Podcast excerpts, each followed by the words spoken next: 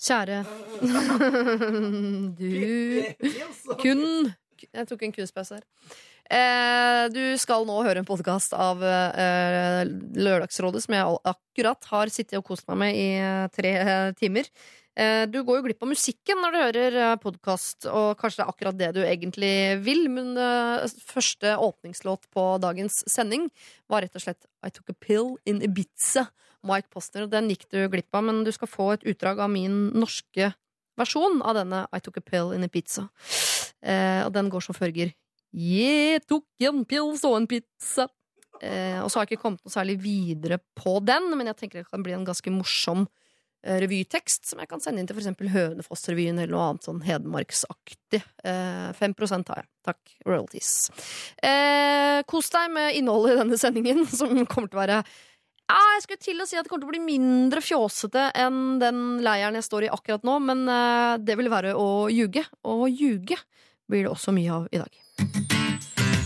P3. Dette er Lørdagsrådet med Siri Kristiansen. På P3. P3. God morgen, du hører på Lørdagsrådet, og her sitter jeg enn så lenge helt alene.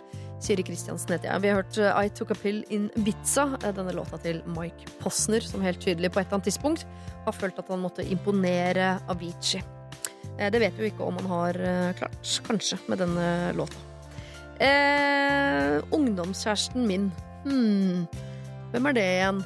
Det er jo ikke noe jeg må tenke lenge på før jeg kommer på hvem det er. Det er ikke en vanskelig oppgave eh, å gi til noen, tror jeg. Eh, hvem var din ungdomskjæreste? Jeg tror uansett den du stiller det spørsmålet, så tennes det et lite gnist i øynene deres. Navnet dukker opp ganske fort, og det kommer en del historier. Og enten så er det helt fantastisk, eller så er det den første drittsekken de noensinne har møtt. I hvert fall er det masse, masse sterke følelser. Det er jo første gangen man har kjent på en del følelser, og de eh, følelsene kommer til å sitte i på en eller annen måte resten av livet. Eh, For mange så er eh, den første kjærligheten den aller største kjærligheten. Og det er jo mye fordi at det er første gang man føler de følelsene. Og da er de ukontrollerbare, de er nye, eh, man vet ikke hva de er. Og i det hele tatt, da føles det som om noe større enn neste gang, hvor du på en måte hilser på en gammel venn. Hva kjærlighet angår, på en eller annen måte. Men det betyr ikke at den første eller største eller hva, at det er den rette for deg på sikt. Selv om det kanskje var det når du var ung, så er det ikke sikkert det er det som er din utkårede for resten av eh, livet. Eh, Men samtidig, når den store ungdomskjæresten går litt trått, så mener jeg jo, da, som i alle andre forhold som har vart en stund, at, man, altså, man skylder den kjærligheten og jobber litt med den, selv om det går trått. Se om man kan finne en vei til å fortsette hele veien ut. Samtidig så skylder man seg jo selv, da. Å gjøre det beste ut av livet. Ikke henge igjen i gamle spor bare fordi det nødvendigvis er der. Ah, Det blir veldig spennende i dag å se hva dagens rådgivere sier når hun nettopp skal gi råd til en fyr, og egentlig et par, som har vært sammen i 100 år, og som nå lurer på veien eh, videre. Lørdagsrådet. På P3. P3. For en stund siden, eller noen uker siden bare faktisk, så var eh, Aune Sand her sammen med Linnea Myhre og Ken Vasenius Nilsen. Og vi prøvde å hjelpe Jonas og Anders, som hadde et eh, kompisproblem, eller et slags jaktproblem, eller kanskje aller helst et økonomisk eh, problem. Der én har lånt eh, eh, hagle av den andre. Eller var det en rifle? Nå ble jeg litt usikker. Men folk er ikke hagle, en hagle. Folk er ikke så opptatt på forskjellen der, med mindre man er hardbarka jeger, da. Eh, og den hadde blitt ødelagt. Kolben hadde blitt ødelagt, og de var uenige om eh, erstatningen her. Holdt det at man bare limte på delen igjen, pusset over osv., eller skulle man bytte ut hele kolben, som jo ville koste eh, 2500 kroner? Eh, jeg trodde jo vi kom til å ende på at det holdt å bare lime den delen som hadde dette av, og pusse over og slipe og prøve å gjøre den så god som eh, ny. Det er jo en bruksgjenstand, dette her.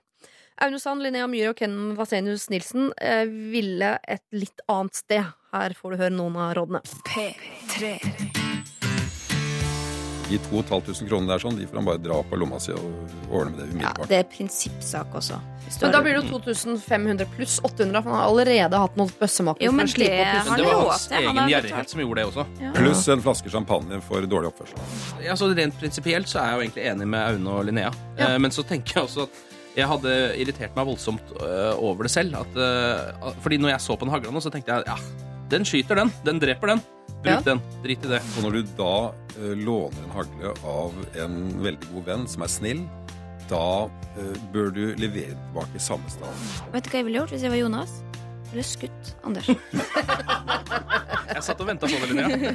Dette er Lørdagsrådet På P3. P3. Dette var da rådene som eh, Jonas og egentlig Anders fikk av Aune, Linnea og Ken.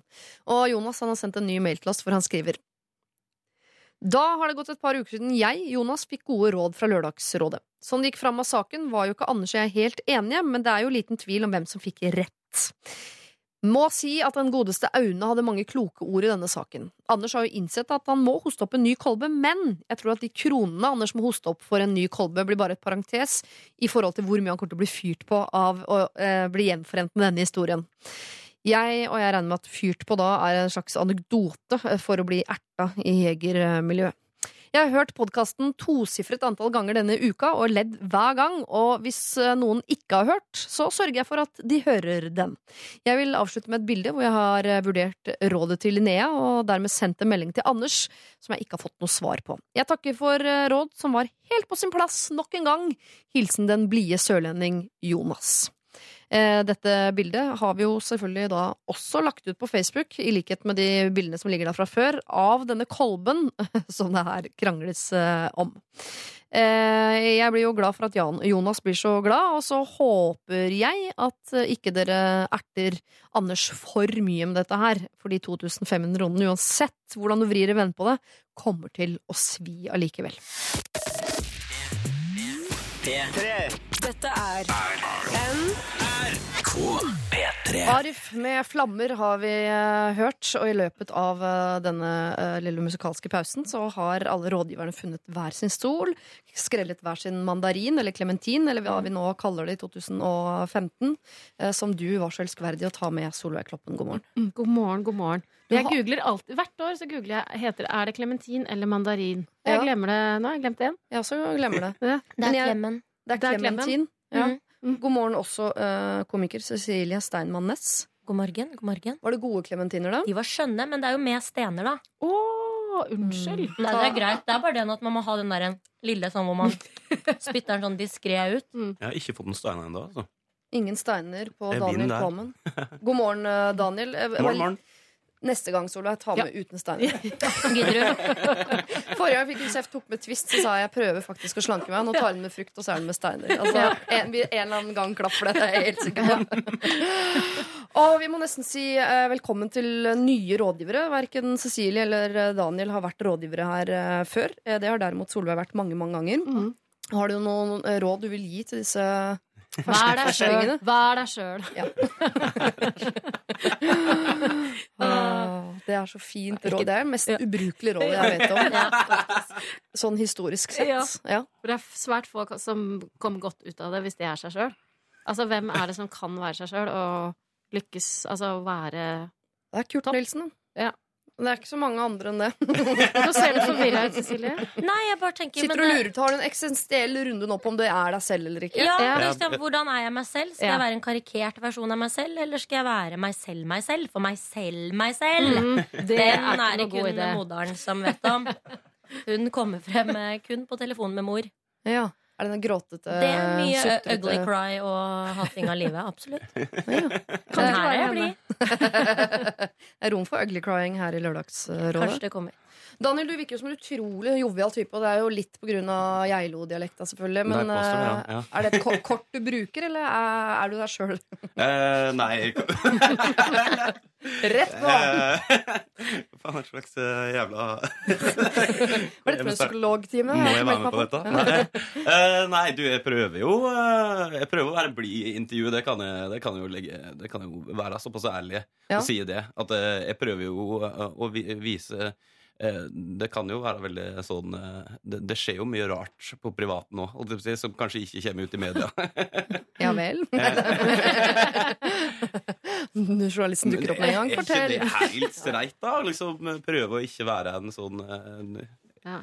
Altså Prøve å liksom vise en bedre side til seg sjøl. Sette et godt eksempel, tenker jeg. Man kan prøve å være den beste utgaven av seg selv, da. Ja. Ja, ikke være en dusj. Mhm. Mm. -hmm. Eh, men du får jo litt ekstra av den dialekta. Ja, Altså, du kan jo være litt ja. mer drittsekk enn andre, og likevel så tror man at altså, jeg Du kunne Ja, slått meg ganske hardt i i ansiktet og så tenkt for en, hyggelig, for en hyggelig klem.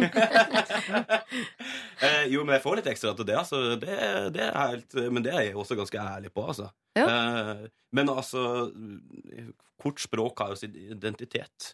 Ja. Og du, du, bærer, du bærer jo liksom måten du prater på, veldig bra òg, vil jeg påstå. Altså, jeg er stolt av østlandsdialekta, jeg, altså. Ja, ja, ja. Du eh, sa så vidt her, Solveig, at du kunne vært sogning du av dialekt, for du bodde der til du var ti, og angrer litt på det. Du tenker at Åh, jeg tenker at jeg hadde fått eh, så mange ekstrajobber ved å ha Sogndals Eller vi- vi- Vikjær-dialekt. jeg tror det kunne blitt for mye. Tror du? Ja. Ja. Ja, Solveig Kloppen med ja. sognedialekt, liksom. Hjertelig velkommen til Norske Talenter. Nei, nei, nei. Nei, Det hadde blitt Jeg tror du har norske fått en veldig jobba, tror jeg. Ja. Ja, ja, hvilke jobber hadde jeg fått? Jeg tror du hadde reist rundt som sånn visesanger. Ja. Eller noe NRK-relatert. Noe sånn Åh. Hurtigruta. Å ja, men det hadde jeg elska. Ja. Ja. Ja, du hadde hatt Norske Talenter på NRK, men da var det bare fra 70 år og oppover. Å, mitt drømmeprogram. Men jeg føler jo liksom det er liksom min oppgave her, på en eller annen måte å være sånn, fordi jeg har sånn innenlandsdialekt, så kan jeg komme og være sånn vis. Ja. Eh, I kort liksom sånn eh, Når det andre liksom har eh, gjort det veldig Hatt så lange argumenter og sånt, så kan jeg komme og fortelle sannheten. Ja. Helt på Ja. slutten. Ja, Ja. sånn som Christian Borch gjør. Ja. Er du Oslo-jente du, Cecilie? Jeg er Oslo-jente, eller veldig østkanta. Jeg er fra Hauketo. Så Shit, egentlig er er jeg jo hiphapa. Ja. Eh, sånn. Men jeg fremstår veldig nydelig utad. Ja. Men da er du jo T-banejente, eller Eh, det var Togjente, tog til og med. Mm. Ja. Så det var toget til Hauketo. Så det var ganske harde vilkår i oppveksten. Absolutt mye Buffalo-sko og seggebokser. Er det nærmere Oslo enn Holmlia? Det burde jeg vite, for jeg Ja, tar tog det det. forbi hver dag. Men Så det er Haukto, og neste holdeplass er Holmlia. Ja, for toget stoppa Så før jeg- på Hauketo, men nå stopper vi på Holmlia. Mitt tog. Oh, ja, Altså? Mossetogene. Mossetoget. ja. Skitoget går til Hauketo. Ja, ikke sant? Da Det er en sånn del av verden som jeg ikke veit hvordan er i hele tatt. Men som var veldig interessant å få eh, Eh, Få vite, få vite nå, ja. Ja. Oppklart eh, sånn generelt. Jeg husker onkelen og tanta mi flytta til Holmlia da jeg var barn. Og jeg bodde på Bjølsen sjøl, så var det ikke noe liksom eh, Det var ikke egentlig det store hoppet sånn eh, i lag. Kanskje litt geografisk. Men da tenkte jeg at det gikk- ordentlig dårlig med dem, husker jeg. Oi, Såpass, eh, såpass snobb er man også på Bjølsen. Holmlia, tenkte jeg. Hva har skjedd? Ja. Nei, det var litt skummelt, men jeg turte å gå dit på Holmlia-senteret, blant annet. Dit turte jeg å gå. Det var alle som turte det. Er det stor forskjell på Hauketo og Holmlia? Ja. Ja. Altså, vi har rekkehus, da. Der er det bare blokk. På en måte. Jeg skjønner. Ja, så det, alle har noen å se ned på. Det er det som er så deilig. Men alle har en nabo de kan se ned på. Mhm. Hvem er som er fienden på Geilo? Har dere en nabobygd når dere tenker sånn Der bor idiotene. Ja, ja, det er jo Ja, på alle mulige måter. Og der, men det her, det, det, altså, der er det jo fysisk utfoldelse og hele pakka. Eh, slåsskamp, rett og slett. Hvilken bygd er det, da? Eh, det er jo Ål, Ål, ja. Ål, og som også er liksom kulturformidler. Eh, så eh, nå er det virkelig fight. Det er med mot Hellbillies, liksom. Og bjella, eller? Ja, ja, han er Ja, også derfra. ja. Nei da, det, er- det er veldig hyggelig. Jeg kan ikke si det. jo, det er jo det. Nei, nei, men Sarpsborg hater Fredrikstad. Altså, sånn holder vi på. Alle Ja, må ha noen å hate. Men jeg pleier, jeg pleier å ha sånn årlig sånn der med møte si liksom en sånn innhegning der det egentlig kyr, og så slåss vi liksom med sånn høygafler og alt mulig sånn. Oi, digg. Mm, mm. Kan du filme det? Altså, altså En slåsskamp mellom Daniel Kvammen og Bjella. Det hadde jo vært noe for TV. Spør du hadde meg. Eh, vi må ta en runde på sivil eh, status. Vi begynner med deg, Solveig, fordi det er kjedeligst. Ja. Bare Jeg sånn lurer på hva du dramaturgisk sier den dagen jeg sier Vet du hva? Nei, nå gikk vi fra hverandre i forrige Ja. uke. Her ble en blanding av veldig lei meg og litt Ja. glad. Men, skjønner men altså, den gladbiten er jo grusom. Ja Og det har ikke skjedd. Nei. Altså, jeg, jeg trodde Nå var jeg veldig Jeg trodde du var seriøs. Ja, nei, nei da. Gift, to Gift. barn. Mm. Og katt. DJ Bingo. Heter den det? Ja. DJ Bingo? Ja. Mhm. Er Men roper du DJ Bingo? DJ? Nei da, vi kaller han bare Bingo. Ja. Sånn daglig. Altså, jeg roper bingo, bingo. Det er også litt morsomt. Mhm. Mm Naboen tenker vel så underholdende hjem det er der borte. Og bingo hver dag. Mm. Hva med deg, eh, Cecilie? Jeg syns jo det er litt enda tristere her hos meg, for sivilstatus her er jo meg, og bare meg. Ja, Solveig sin er ikke trist, den er bare kjedelig. For Å, ja. vi har hørt om den så mange ganger. Jeg syns jo det er litt trist òg, da.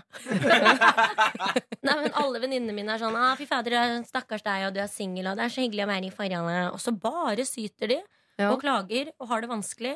Og jeg sier 'Hva om vi drar på spontantur til København niesen til Fredrik skal døpes. Mm. Hvorfor må du være med dit? Sånne ting forstår jeg ikke, da. Nei. Så jeg syns at eh, forholdet eh, virker som et fangenskap. Ja, men det er det jo på mange måter. Mens jeg kan spise cheese doodles når jeg vil, gå i hva jeg vil, sove så lenge jeg vil, dusje når jeg vil. Det kan du når du Dusje er når jeg ikke da. vil. Mm. Det er bare når, du Mm. når man er kjæreste, kan man ikke det. Så blir man gift, da kan man det. Ja, det er- sant? Det er når man kommer over den terskelen der. Ja, nei. Hva med deg, Daniel? Du, jeg har eh, så, eh, såkalt kjæreste, eh, og jeg er jo da i den eh, fasen der jeg ikke er gift. Eh, Ja. Men jeg har det veldig fint nå, for jeg starta en sånn ny sånn eh, Jeg har jo nå kommet inn i kulturbransjen Mm. og, og får nå liksom sånn ha fri sånn fire dager i uka på en eller annen måte. Ikke, sånn på, oh. ikke helt fri, eh, men jeg får liksom reise ut, og så får jeg komme tilbake med en sånn ny giv. Ja, så det er liksom sånn, sånn at det er et nytt forhold liksom hver mandag, hvis du skjønner. Ja, Eller du- søndag. For Ja. du er sammen med en sånn budeiaktig pike fra Geilo. Så reiser du inn til storbyen og spiller gitar, så kommer du hjem. Eh, Ja, det er akkurat slik det. Men hun er fra Hardanger, da. Men hun bor på Bjølsen sammen med meg. Så dere er Ah. samboere. Dere er Ja. der, ja. Ja, ja. ja. Ja. Og det Men da, da får du liksom, liksom, da får du liksom eh, reise til, Da reiser jeg jo liksom ut til sånn Stavanger, og så kommer jeg tilbake, og så alt veldig flott. Hjem til hardangerdialekta, for det er også en helt nydelig dialekt. Ja, Da. ja. Veldig, veldig flott. Ja. Veldig flott. Fine bunader òg. Jeg tenkte på det. Jeg så Mm. tenkte bunad. Går Ja. hun i bunad hele tiden? Hun går i bunad hele tida. Det er så deilig med folk fra Hun Hardanger. sover i bunad. Spiser bare hardangerbestikk og Ja, ja. ja, Så deilig. Morello Jeg vet ikke hvor dere skal gifte dere, for å si det sånn. Er en robot, det. Det er i hvert fall brudebilde. Og får dere barn, så blir det sånn som meg, for jeg er fra Bjølsen, da. Ok, da tror jeg vi er klare for å gå videre og løse problemer fram til klokka tolv. Eh, Alle har jo nå eh, representert, eh, eller sagt fra hvilken plattform de står på i livet, og gir jo råd ut ifra det, selvfølgelig.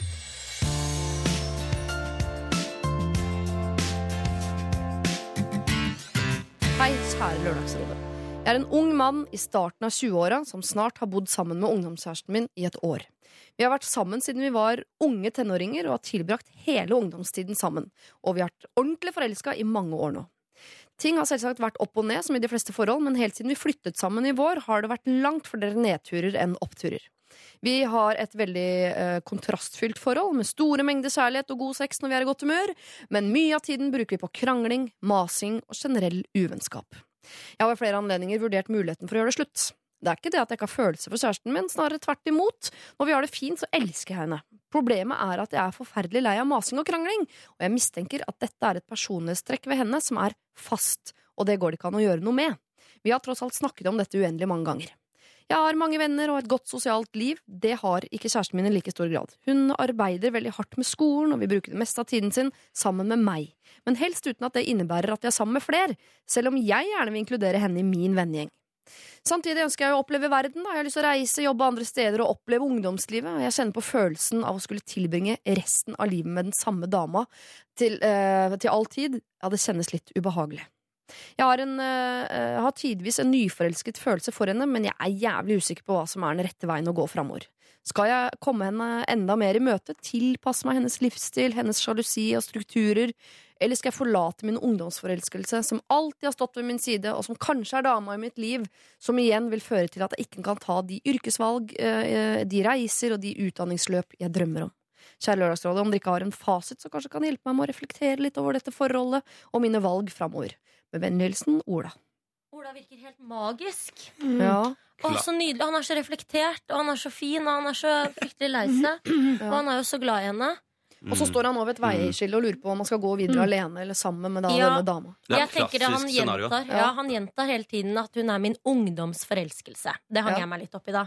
Fordi ja, de var forelsket når de var unge. Men så vokser man, og så forandrer man seg litt som mennesker. Jeg er jo en annen nå enn hva jeg var på ungdomsskolen, og noen av de vennene har jeg klart å ha med meg videre. Andre er jeg ikke venner med lenger, fordi jeg har utviklet meg som person. Så jeg syns at hun her høres ut som hun setter en stopper for deg, Ola, og hva du vil videre i livet ditt. Eh, reis, opplev, kos deg. Ikke ha et menneske du skal tilpasse deg, sånn at han blir mindre menneske. Solveig Kloppen? Ja, mhm. Men det han er redd for, er hvis han drar ut på denne reisen og opplever verden, og det eneste han eh, finner ut av på denne lange reisen sin, er at han har gått fra kvinnen i sitt liv. Mm. Det er jo risken, da. Ja. Men samtidig så høres det litt skummelt ut å bare bli ehm, for det, det jeg frykter for han, er at han skal ikke sant? For han snakker om at han har så mange drømmer, og at hun nå står i veien for å få oppfylt de drømmene. Mm. Det er jo fort gjort å bli bitter, da. Eh, om eh, ti år. Ja. Eh, og da tror jeg ikke det er så mye i det forholdet til slutt. Nei, At liksom hver eneste krangel blir sånn Ja. Hadde det ikke vært for for deg, deg så kunne så- jeg. Mm. Jeg kunne vært på Ibiza. Men-. Ja. Ja. Jeg henger meg veldig opp i det. Eller, altså, det her er, det, mm, hvordan sier jeg det her, da? Ja, Kan jeg prate om dette på radio? Det her, er- det her er sånn, sånn har jeg hatt det. holdt Jeg på å si. Jeg hadde sånn ungdomskjæreste som jeg var sammen med eh, veldig veldig lenge. Og det er liksom sånn, Jeg henger meg veldig opp i det. Han, to ting, da. For det første så sier han det her eh, eh, at det er dama i hans liv. eh, det er det ikke. Ikke fordi at hun ikke kan være her, men altså, du finner altså, Sånn overordna så er det ikke Det eksisterer ikke. Det mener jeg. Uh, så det er bare sånn du, du finner noe nye. Altså Hvis det er det du er redd for, så er det noen der ute som kan være skikkelig bra for deg. Det er ikke noe stress. Uh, uh, når det gjelder det andre, så er det her med kranglinga som liksom er det viktigste her. da Som jeg tenker sånn på en eller annen måte er du, Det kommer Hvis de ikke i alle fall prater om det, kanskje tar litt tid fra hverandre, om det bare er to uker eller om det er et halvt år, så kommer det bare til liksom, det bare til å bli verre og verre. Uh, og det som han, han sier at uh, det er noe konstant ved henne. Det er det nok ikke. Det er noe konstant ved deg. Hvis du skjønner, Hun er jo sikkert et bra menneske, hun òg, som bare på en annen måte, men det har gått seg inn i en eller annen graut. Så jeg tror det, liksom, er bare veldig viktig å få litt avstand på en eller annen måte. For, eh, det kan jo legges til at eh, de har gått gjennom en litt sånn tung tid sammen, og hun har hatt det litt vanskelig. og sånn, Så jeg kan nok tenke at han syns det er vanskelig å gå fra henne fordi hun har det litt vanskelig. Men det kan nok hende at det er løsningen for henne også. Mm. At hun får absolutt. et miljøskifte. Mm. Ja, og så tenker jeg Noe av det som gjør at det er vanskelig å gå fra en ungdomsforelskelse, er jo det at man på, på en måte eh, Da har man jo blitt voksne sammen. Man sier på en måte sånn farvel til uh, All tryggheten. Ja. Mm. ja. Mm. Mm. Ja, jeg, kan, jeg var sammen med en fyr i mange år, jeg også, hvor jeg ble en ganske grusom kjæreste av å være sammen med han. Eller jeg ble et ganske grusomt menneske av å være uh, sammen med han. Han var helt fantastisk, men jeg ble verre og verre som menneske. Sikkert fordi jeg var på feil sted i livet. Og jeg husker når det ble slutt, så var det akkurat som om man tok ankeret og bare Ja, klippa lina ja. til øh, ankeret, og så var man ute og svevde og tenkte ja, men Var dette, ikke det nå aner jeg ikke hva jeg gjør. Jeg vet Ja. ikke om noen ting i livet, så det er jo eh, superskummelt, men veldig, veldig, veldig viktig. Men det var, var ikke digg etter kort? Altså, bare jo, jo, jo, ja. jo. Ja. For det er jo det Det er litt fælt å sitte og si at han skal slå opp med dama si. For det er, ikke, det er jo det er ikke nødvendigvis at han trenger å være det hvis han er veldig glad i henne. Men eh, litt avstand, som sagt. Men uh, det er jo klart det at uh, Altså, bare det å være et slags eh, Den der grauten der, det kan jo ikke være bra, liksom. Nei, og så Um, sier han jo at det er, det, han tror det er damen i sitt liv, og at han er redd da hvis han skal farte rundt og komme tilbake og skjønne at det var, han egentlig elsket henne. Da finner de tilbake til hverandre, hvis det er meningen. Mm. Men å være sammen med et menneske som ikke har noe annet Hun hadde jo ingen andre venner annet enn hans sine venner. Alt ble veldig sånn han må passe på henne. Og det er forskjell på å føle at du liksom må passe på noen. For det, jeg også har den følelsen. Jeg er veldig sånn omsorgsmenneske. Og så er det sånn, men får jeg noe tilbake av dette mennesket, eller er det bare jeg som er sånn forsørger og klapper på? Nei, du har gøyal sex jo- når dere, dere har- er i godt humør. Det får du tilbake. Han har tidligvis nyforelska følelser for henne fortsatt. Da. De har vært sammen i eh, Men den tror jeg han skaper oppi sitt eget hode. Ja, ja kanskje Ja. det. Det tror jeg også relaterer ikke- til den tryggheten. på en eller annen måte. Mm. Men kan det være verdt det når de har nå delt ti år av livet sitt sammen? De har gått gjennom tunge ting, de har gått gjennom hele ungdomstida. Altså, og skylder de ikke hverandre å på en måte øh, prøve eksempel parterapi, eller prøve å dra på en reise sammen, eller gi en Nei, ikke Ikke når når de de er sånn. Altså, ikke når det er sånn. Han vil jo ut og oppleve verden, liksom. Det, og det er bra for han, liksom. Ja. Han skal jo ikke leve livet til en 40 år gammel mann eh, når han er 20 år. Jeg tenker i hvert fall, Hvis dere skal ta den reisen, ikke reis eh, eh, et sted du ikke har sjanse til å komme deg fort bort. Ja. Altså ikke til månen, mener du? nei, Nei. nei. Eller på ubåtferie, som er så populært nå. Ja. Jo, men Ofte blir det jo slutt mellom folk på ferie også. For det er Ja, da man tenker sånn Å, ja, 24 timer i døgnet med deg. Det er jo helt Ja, jævlig. dra på Mm. ferie, da. Mitt forhold endte Ja. på ferie. Ja, men det Ja, gjør ofte det. ja, Ja. ja. Mm. Nå syns jeg du er litt drittsekk igjen. Må ikke dumpe på ferie. Det var ikke jeg som dumpa! Nei. Å ja. Nei. Sorry. Nei, men- Men hvor var dere på ferie? Hvor var det? Eh, men Ikke si hva- Thailand. Hæ? Thailand? Nei, men det var i Asia. Det var i Indonesia eller noe sånt. Nå. Oi, Der, eh, hvordan Men det var var, det? sånn, det var sånn lang backpackertur. Jeg var ute og liksom prøvde å finne meg sjæl. Det var bare rot. eh, gikk opp i Himalaya og sånn. Hun var og studerte i Australia. men møttes i Indonesia. Fant ut at det her var jo bare dritt. Ja. Å, så du pakket sekken og Jeg reiste. reiste videre? Ja, rett og slett. Åh, nydelig. Og det var jo veldig befriende et kort. Og det tror jeg også han Ola det er litt sånn, Jeg føler meg litt sånn fæl, fordi jeg så har det noe. Men jeg tror bare at eh, hvis han tar seg litt tid, så Mm. kommer dette her til å så kommer det til å ordne seg. Det er jo som du sier, at hvis det faktisk er meant to be, da, så, så finner de hverandre igjen. Men det er et eller annet med den ungdomsforelskelsen. Den er dritvond å bli ferdig med. Og den dag i dag, og sånn er har jeg alle venninnene mine òg, hvis navnet Mm. på den ungdomskjæresten eh, dukker opp, eller du tror du ser vedkommende på Altså, hele kroppen går jo i sånn Mm. Fordi det var en så stor eh, Det, det var din første forelskelse, første alt mulig rart. Ja, og så er man gjerne nært knytta til familien. Man har vært Ja, mye sant? der, og det er, det er så, så mye rundt også, som gjør at det er ekstra vanskelig. Ja, Man går jo ikke bare fra et menneske, man går jo fra et helt liv. på Ja, en måte. ja. Går fra barnedåp hos til niesen og Ja, akkurat det er Til ny barnedåp hos ny nese. ny niese. Mm. Ja, det høres ut som om uh, Ola har veldig mange ting han vil framover, og at det blir litt vanskelig i dette forholdet. Mm. Men syns dere da at han bare skal uh, begi seg ut på alle disse tingene han vil, reiser og utdanninger og sånn, og se om forholdet overlever det, eller skal han gjøre det slutt og så legge ut på alle disse reisene sine? Gjør det slutt. Gjør det slutt. Mm. Han vil få en helt annen opplevelse hvis han reiser ut med frie tøyler og ikke en som sender melding hele tiden. 'Hvor er du? Hva gjør du? Hvorfor er du ikke her? og savner deg.' Ja. Gjør det slutt. Det er jo veldig klartekst du får Men her hun kommer til å få det bedre, hun òg. Hun kommer Ja. til å få det bra til slutt, hun òg. Mm. Trøst deg med dette, at det kan nok hende at både for deg og for kjæresten din så er dette uh, veiskillet uh, kanskje starten på noe positivt for dere begge. Det kan være tungt med en gang, og så blir det veldig veldig mye bedre på sikt. Og blir det ikke det, ja, så er det jo ikke sånn at man ikke kan snu og gå den stia tilbake og finne tilbake til uh, hverandre. Så eh, jeg veit det er tøft, Ola, men det kan nok hende at du skal prøve å gjøre det slutt.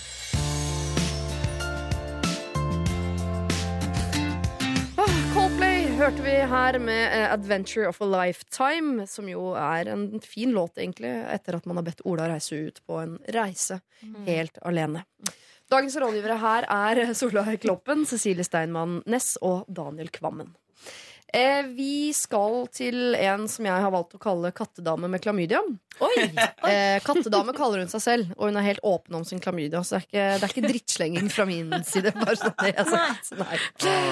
Har hun fått den av kattene, eller er det, Det er det en jeg sånn ikke. type Nei, det tror jeg ikke. Eh, men hun bruker helt sikkert p-pillene til katten sin. Kommer katten til å ha noe med det her å gjøre? Eh, Nei. Nei, okay. Nei, jeg gjør ikke det, altså. Nei. Så- så Hun har et gutteproblem, ikke et katteproblem. Det startet tidlig i høst hvor jeg møtte en snill fyr på fadderuka, og det ene førte til det andre. Jeg trodde det bare skulle være en engangsgreie, men vi fortsatte å treffe hverandre jevnlig utover høsten. I starten hadde jeg en følelse av at han likte meg bedre enn jeg likte han, men nå har jeg begynt å få følelser for han. Problemet mitt er at han skal på utveksling etter jul i et halvt år. Vi har fortsatt eh, et veldig useriøst eh, Eller er på et veldig useriøst stadie. Det eneste vi gjør, er å sove sammen da og ha daglig kontakt på Snapchat.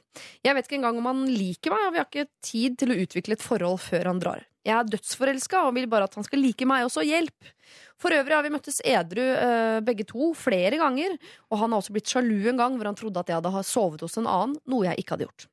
Et annet lite problem er at jeg også har klart å teste positivt på klamydia, og har sannsynligvis ikke fått det av han.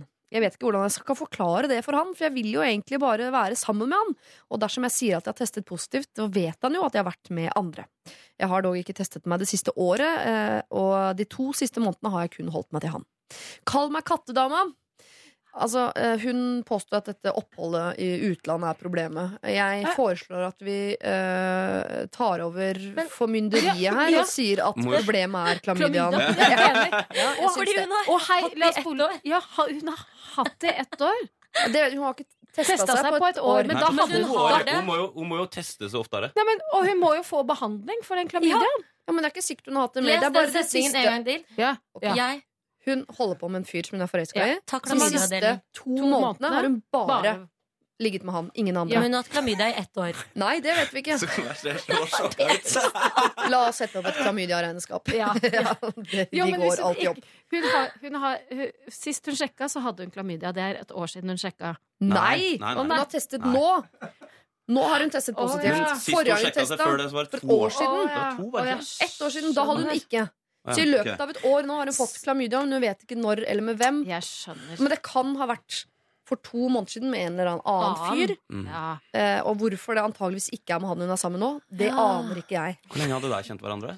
Eh, siden fadderuka, det er vel da rett etter skolestart. Den, Ja, så eh, slutten av august. Altså, det er jo bare to, tre måneder siden. Ja, det- ja. Ja, altså. Idet hun traff han, så lå hun kanskje litt med andre. Men hun har ikke gjort det nå på en stund. Okay. Nei, Men hun, hun kan jo ha fått det av han igjen, da.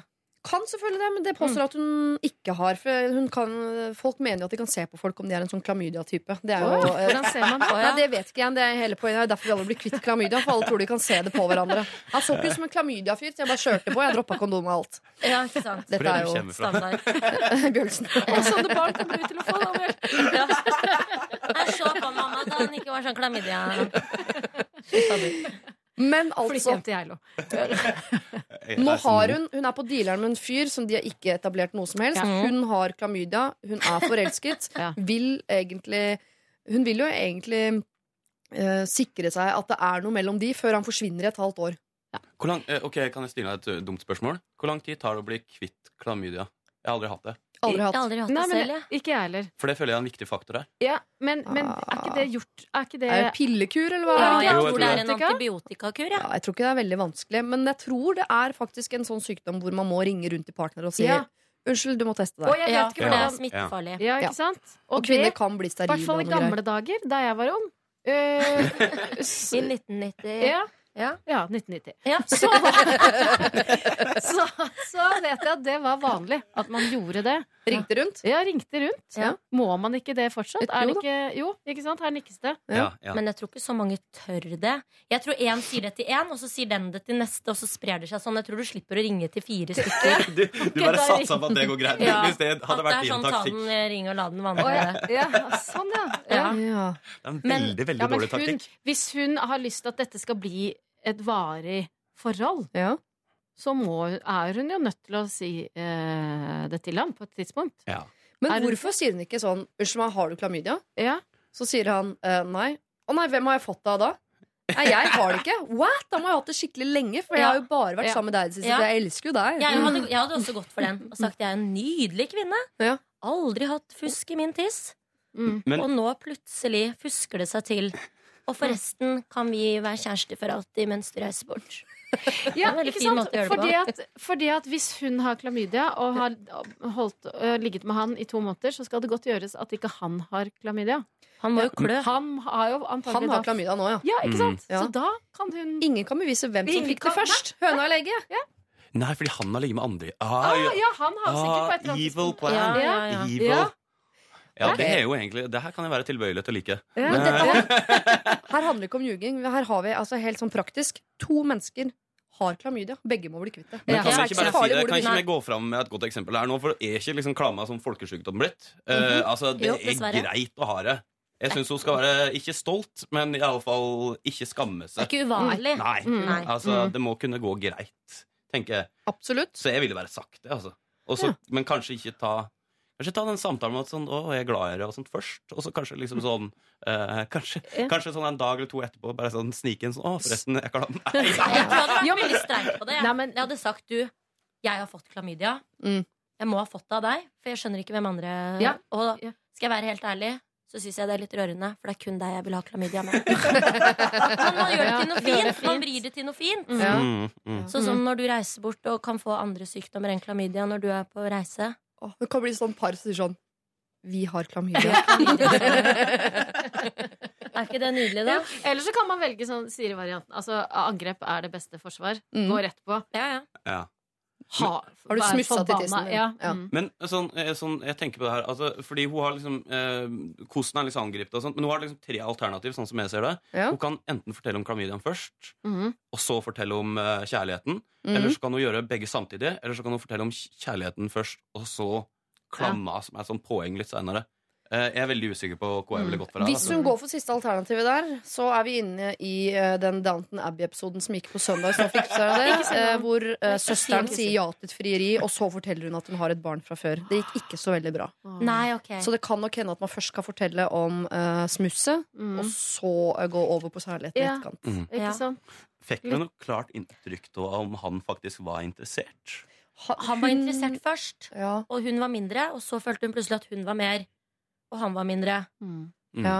Nå er hun veldig usikker. De, de har i hvert fall ikke etablert noen ting. Og de har ikke tid til å utvikle det heller før han skal reise. Nei, men han hadde blitt sjalu når hun hadde holdt på med en annen. Ja.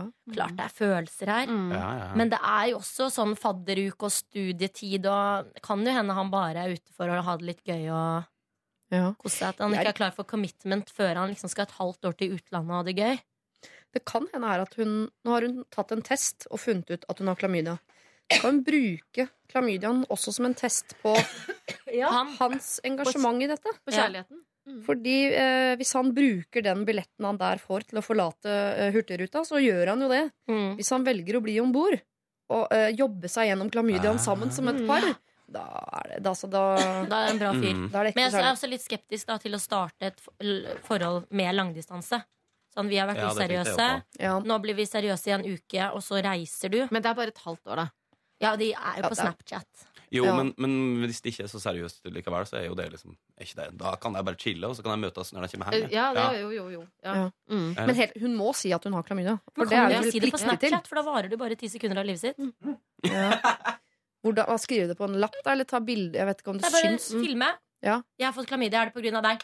Send. Mm. Og så rekker ikke han å se det før han. ikke sant? Så har hun det aldri liksom på dokumentert, sånn at han kan si 'æsj, se hva hun skrev'. Nei.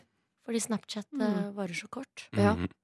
Det, er, eh, det virker jo som det meste av deres eh, dialog er på Snapchat, så kan det hende at det er den, Ja, den veien du virker ikke gå. som de var så aktive på SMS. Nei.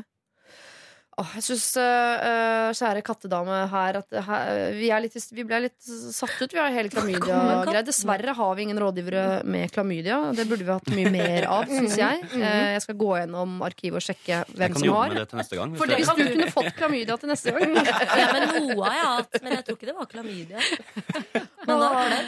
Da har vi kost oss så mye med andres klamydia. Det føles nesten slemt. Ja, Men eh, du har det. Han du ligger med, har det helt eh, sikkert. Eh, ergo dere må snakke om det. Du må fortelle at du har, osv. Og så får dere ta det der forelskelsesgreiene etterpå. Dette her kan jo være en fin mulighet til å finne ut om dere er forelska. For dere er jo alle i gang med å allerede i gang da med å prate om ting som er litt mer alvorlige enn morsomme ting på Snap. Og sånn Og da kanskje den dialogen gjør at dere snakker om noe mer, som gjør at det kanskje eh, går videre til å handle om kjærlighet. Eh, Hva vet Eller gonoré. Eller gonoré. Det første fall du må gjøre, er å uh, slippe katta ut av sekken. Altså, du må fortelle om din klam, og så får, du si, uh, så får du se hvordan det går med kjærligheten etter det. Lørdagsrådet med Siri Kristiansen. På P3. P3. Du fortjener en som eh, meg, synger du, eh, Daniel eh, Kvammen. det er riktig. Ja. Jeg er veldig redd for at det her skal bli brukt mot meg nå. Nei, jeg skulle gratulere deg. Du er nominert som årets nykommer i P3 Gull. Og... Ja, det er helt vilt. Ja. Er det... Tusen, tusen hjertelig takk. Vel fortjent. Fortell, Hvilken følelse får du når du hører, hører den låta sjøl? Hvilke følelser dukker opp? Ja, ja. Jeg blir varm og god. Da, varm og god. Nei, men den har, øh, uff, det er fælt å si det, men øh, den har jo gjort veldig mye for meg, så jeg blir jo litt sånn, jeg blir faktisk litt grann sånn emosjonell hver eneste gang. For jeg hører den ikke så ofte sjøl, hvis Nei. det er lov å si. Ja. Spiller den ofte på konsert og sånt, men så hvis jeg hører den på radio, eller noe sånt, så blir jeg sånn jøss, tenk at det der er med sju, øh, sju, sju måneder inn i artistkarrieren, og her får jeg sitte og fortelle folk hvordan jeg skal leve av livet sitt. Hvor var, du, hvor var du første gang du hørte din egen låt på, det på radio? Du, det, det veit jeg ikke. Jeg er veldig dårlig på å huske sånne ting. Eh, Men eh, Nei, du, det veit jeg faktisk Og det, ikke. for jeg, jeg hadde ville tenkt at det var et veldig veldig spesielt øyeblikk, når du plutselig hører deg selv liksom ljome over et høyttaleranlegg, eller Ja, men det Eller er at du sånn ruslet gjennom et kjøpesenter, Ja, og så hørte ja. du at Vero Moda spilte Ja, ja, men jeg er husker sånn spesielt at jeg satt på en kafé. Det husker Ja. jeg om det var første gang jeg hørte det, Ja, men, nei, men det var ja. liksom sånn der Og så ble jeg liksom sånn her, Så måtte jeg liksom sitte og gjemme meg Eller jeg, jeg vet ikke om jeg, jeg, det, var sikkert ingen der som visste hvem jeg var, men altså, jeg ble veldig, så, sånn, ble veldig ubekvem. Ja. eh, Du fikk ikke lyst til å reise deg opp og si Det er meg! Det er meg. Det er rart hvis ikke den følelsen også dukker opp. Jeg husker jeg var på uh, Topshop i Edinburgh, og så spilte de uh, Madcon, og da fikk jeg lyst til å reise på og si sånn Ja, Ja. ja, ja! ja. De er fra Norge, vet dere. Ja, men faktisk. Jeg, Den stoltheten hos deg, Daniel, må jo være det ganger en milliard. Jo da, jeg er veldig stolt og for all del. Ja. Uh, men ja. Men kan man spørre om den låta uh, handler om en, den handler om en, en spesifikk kvinne, eller? Ja. Ja. ja. Ja, jeg skal ikke Er spørre hun fra Hardanger? Hun er fra Hardanger, ja. Eh, ja, hun er fra Hardanger. Um, nei, men eh, den Ja. Sånn er en- det. Kan, kan vi slutte å prate om det? Er hun enig? Hæ? Er hun enig i teksten? Eh, Ja, Hun syns det selv. det virka jo sånn, da. Nå har det vært et veldig hektisk halvår, holdt jeg på å si, og det virka jo som at hun liksom ikke sånn har hoppa helt ennå, så da, da, da er det jo sikkert greit. Så gøy. Det er mm. Men det er viktig å påpeke av den teksten Folk tror jo jeg er skikkelig sånn her øh, voldsom og liksom har så jævla trua på meg sjæl, og den er jo litt sånn Litt ironisk ment. Ja. Ja. Hvis du skjønner? Det skulle liksom være liksom sånn Ikke sånn ja, Sånn, sånn har samfunnet vårt blitt, da. At vi liksom skal frontes som sånne vinnere hele tida. Og at du fremstår liksom- som cocky, liksom? At det er sånn, Ja, ja. Jeg husker jeg spilte på Senkveld, og så var det liksom sånne kommentarer under sånn Hva faen er han fyren her? så tror han liksom kan komme her og si, si sånne ting. ja. Og men du redder deg i land med på Geilo-dialekta, da. Det er vi jo enige om allerede. Mm. Ja, det er riktig, det. Heretter og ut skal jeg bare prate sånn kav alle. Ja, ja, ja, du veit det, da veit du at uh, Ja. Nei, vel, Lykke til i P3 Gull, i hvert fall. Uh, det Tusen er jo takk. ikke før om en eh, uke. Det er riktig. Uh, I dag skal du bare være her og være rådgiver og trenger ikke å tenke på det et øyeblikk. Skal være her fram til klokka tolv sammen med Solveig Kloppen og Cecilie Steinmann Næss. Vi skal løse uh, små og store problemer. Så hvis du har et, send det inn.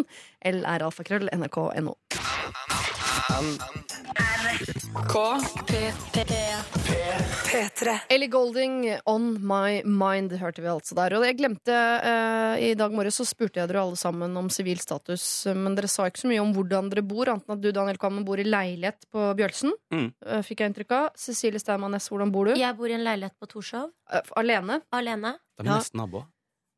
Er vi det? Ja, Torshov og Bjølsen er veldig Sånn naboer. er det der jeg Ja. kommer fra. Og nesten nabo med meg òg, da. Jeg er et slags Absolutt. Ja. Og alle vet jo hvor Solveig Kloppen bor, for der har vi vært hjemom Ja. og sett på TV-en. Bor på Tåsen Tåsen Hageby. Hageby, Hageby ja, som er Mm. like ved Bjølsen. Mm. Ja. Mhm. Eh, men har dere bodd i bokollektiv noen gang? Jepp. Ja. Mange år. Ja. Mm. Sess? Nja, jeg har bodd med to venninner. Men Jeg vet Ja. ikke om det var kollektiv. Jo, kanskje det var kollektiv. Ja, Ja. absolutt. Er Mm. ikke det et kollektiv? Daniel? Ja, jeg har veldig masse kollektiv. Masse kollektiv. Ja, eller iallfall en del. Ja. Ja. Veldig okay. hyggelig. Og da har dere masse erfaring på dette her, for vi skal inn i et litt betent kollektiv Oi. eh, med tre jenter om bord.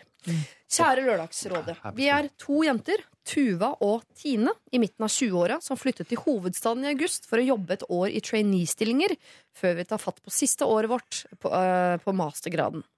Vi kjenner hverandre fra studiene og er gode venner. Vi fant en leilighet sammen eh, der det bodde en jente fra før, Malin.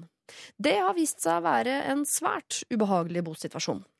Problemet startet da Tuva spurte Malin om passordet til internett, og fikk til svar at hun hadde privat passord på internett. At vi måtte kjøpe oss våre egen ruter. Og sånn har det alltid vært i denne leiligheten. Tuva syns det var rart, ettersom internett er inkludert i leien, og aldri har hørt om en slik ordning i andre kollektiv. Men vi fikset ruter, vi, og prøvde å koble til, for så å finne ut at det er ikke mulig med flere ruter i denne leiligheten. Malin hadde altså servert oss en løgn. Vi koblet da fra Malins ruter og ga henne tilgang til vår ruter. Etter dette begynte alt av kjøkkenutstyret å forsvinne.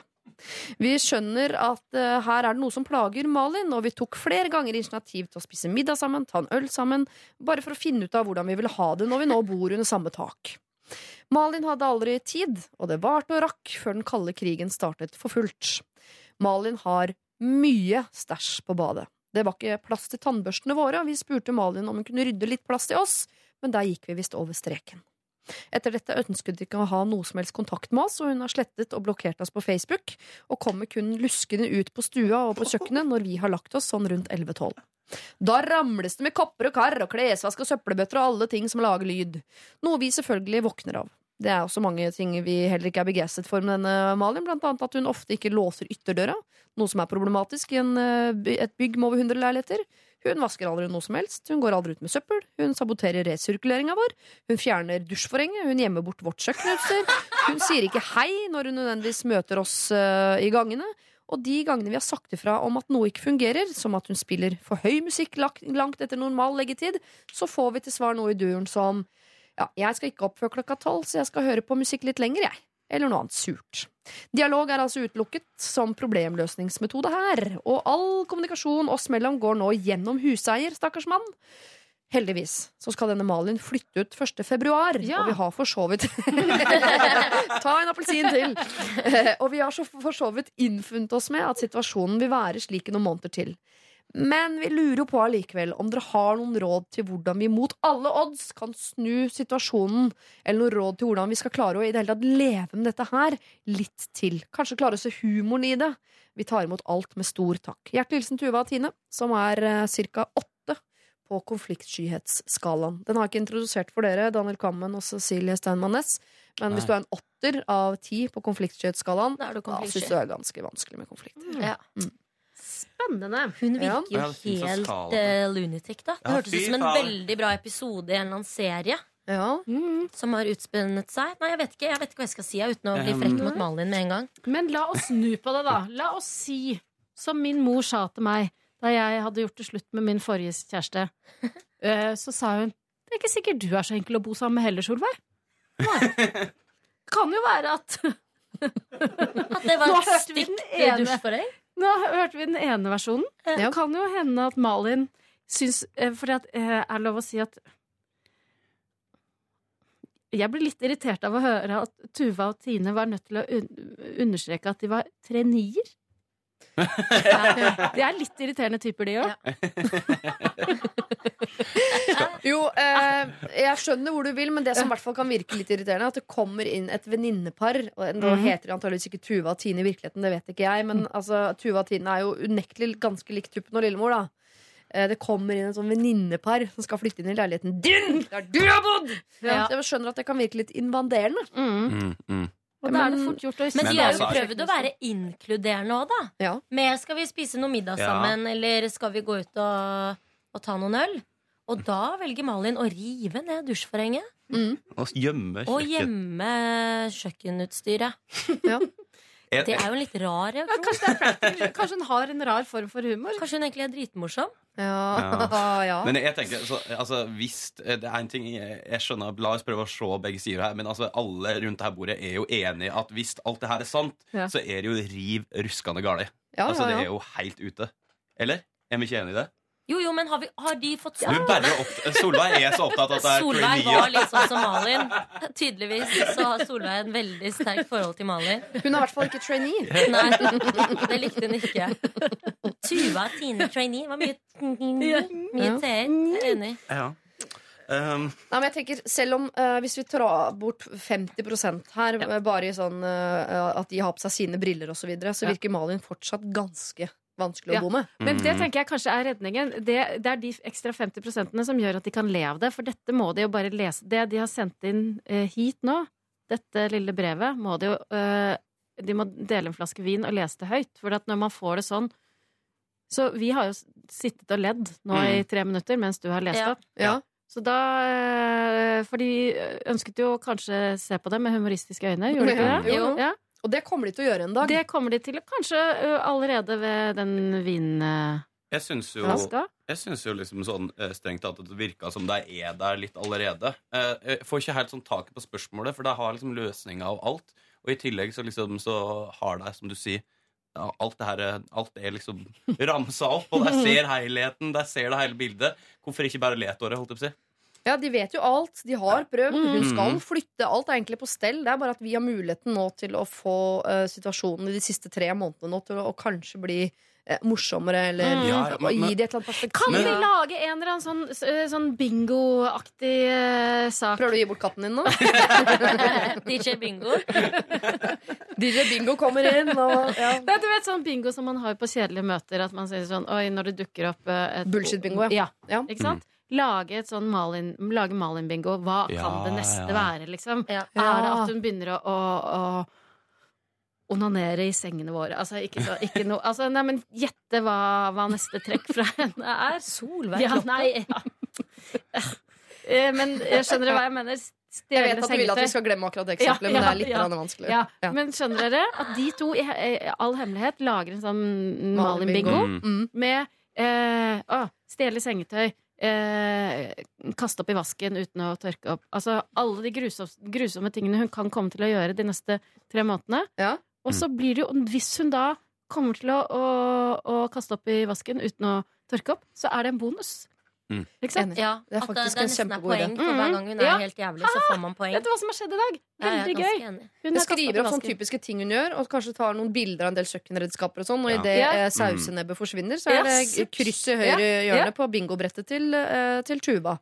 Og så Så- kanskje jeg kan ha sånn som premie at jeg kjøper en ting som mangler fra leiligheta. Når det er liksom, eh, hvis Ja. jeg får bingo og sånt, så, kan, så er jeg på vei til å skape Ja. en helhet igjen. Mm. Ja. Jeg tenker at jeg kanskje kunne liksom eh, Altså Hvis jeg hadde levd Jeg ser liksom for meg uh, Vi prater litt om det.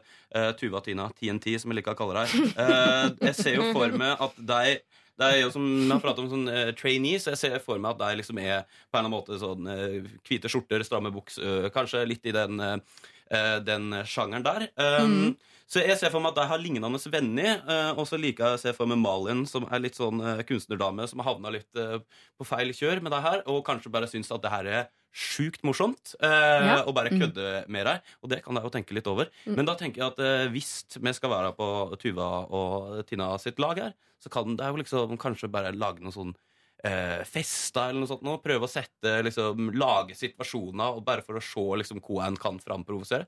Veldig slemt, men kan jo være ganske morsomt da. Ja. Ja. Og for å, å virkelig slippe psykopaten ut av buret. Ja, ja.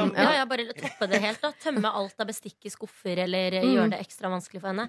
Men jeg kjenner jo uh, meg selv litt igjen. Jeg kan se for meg òg, som uh, Solveig sa, at de er litt sånn prippende jenter som kommer inn der sånn Ja, og Malin skal bråke etter klokken 11. Da har vi lagt oss. Snork! Hva er det for noen kjedelige mennesker som flytter til Oslo for å leve livet, og så legger de seg klokken 11 og blir sinna for at hun hører på musikk? Og kjøkkenredskapet er borte. Ja, hva om det er Malin sitt kjøkkenutstyr? Ja. Jeg hadde blitt irritert hvis jeg hadde hatt en nydelig kaffetrakter som jeg gjør ren, setter på plass, og så kommer jeg hjem, og så har disse TNT vært der og lagd kaffe uten å rydde opp etter seg. Da Jeg kjenner meg selv rett, da. Jeg kunne lett ha vært Malin. Mm. Men det er Malin som aldri vasker, aldri går ut med søpla, som saboterer Ja, ja. resirkuleringa. Nå er det pikke. Fjerner Ja. dusjforhenget. Da på småting.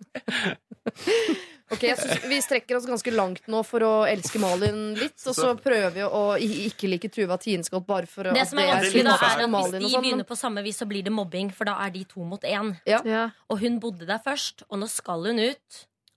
Eh, 1. februar, Ja. og det virker veldig, veldig, veldig lenge til. Mm. Eh, Men så er det jul i midten der. Ja, ja, ja. Mm. Ja. Hva, eller å, de kan ha drikkelek. At de tar en shot eller noe. Hver gang eh, Høres det ut som folk som tar en shot hver gang det går Nei.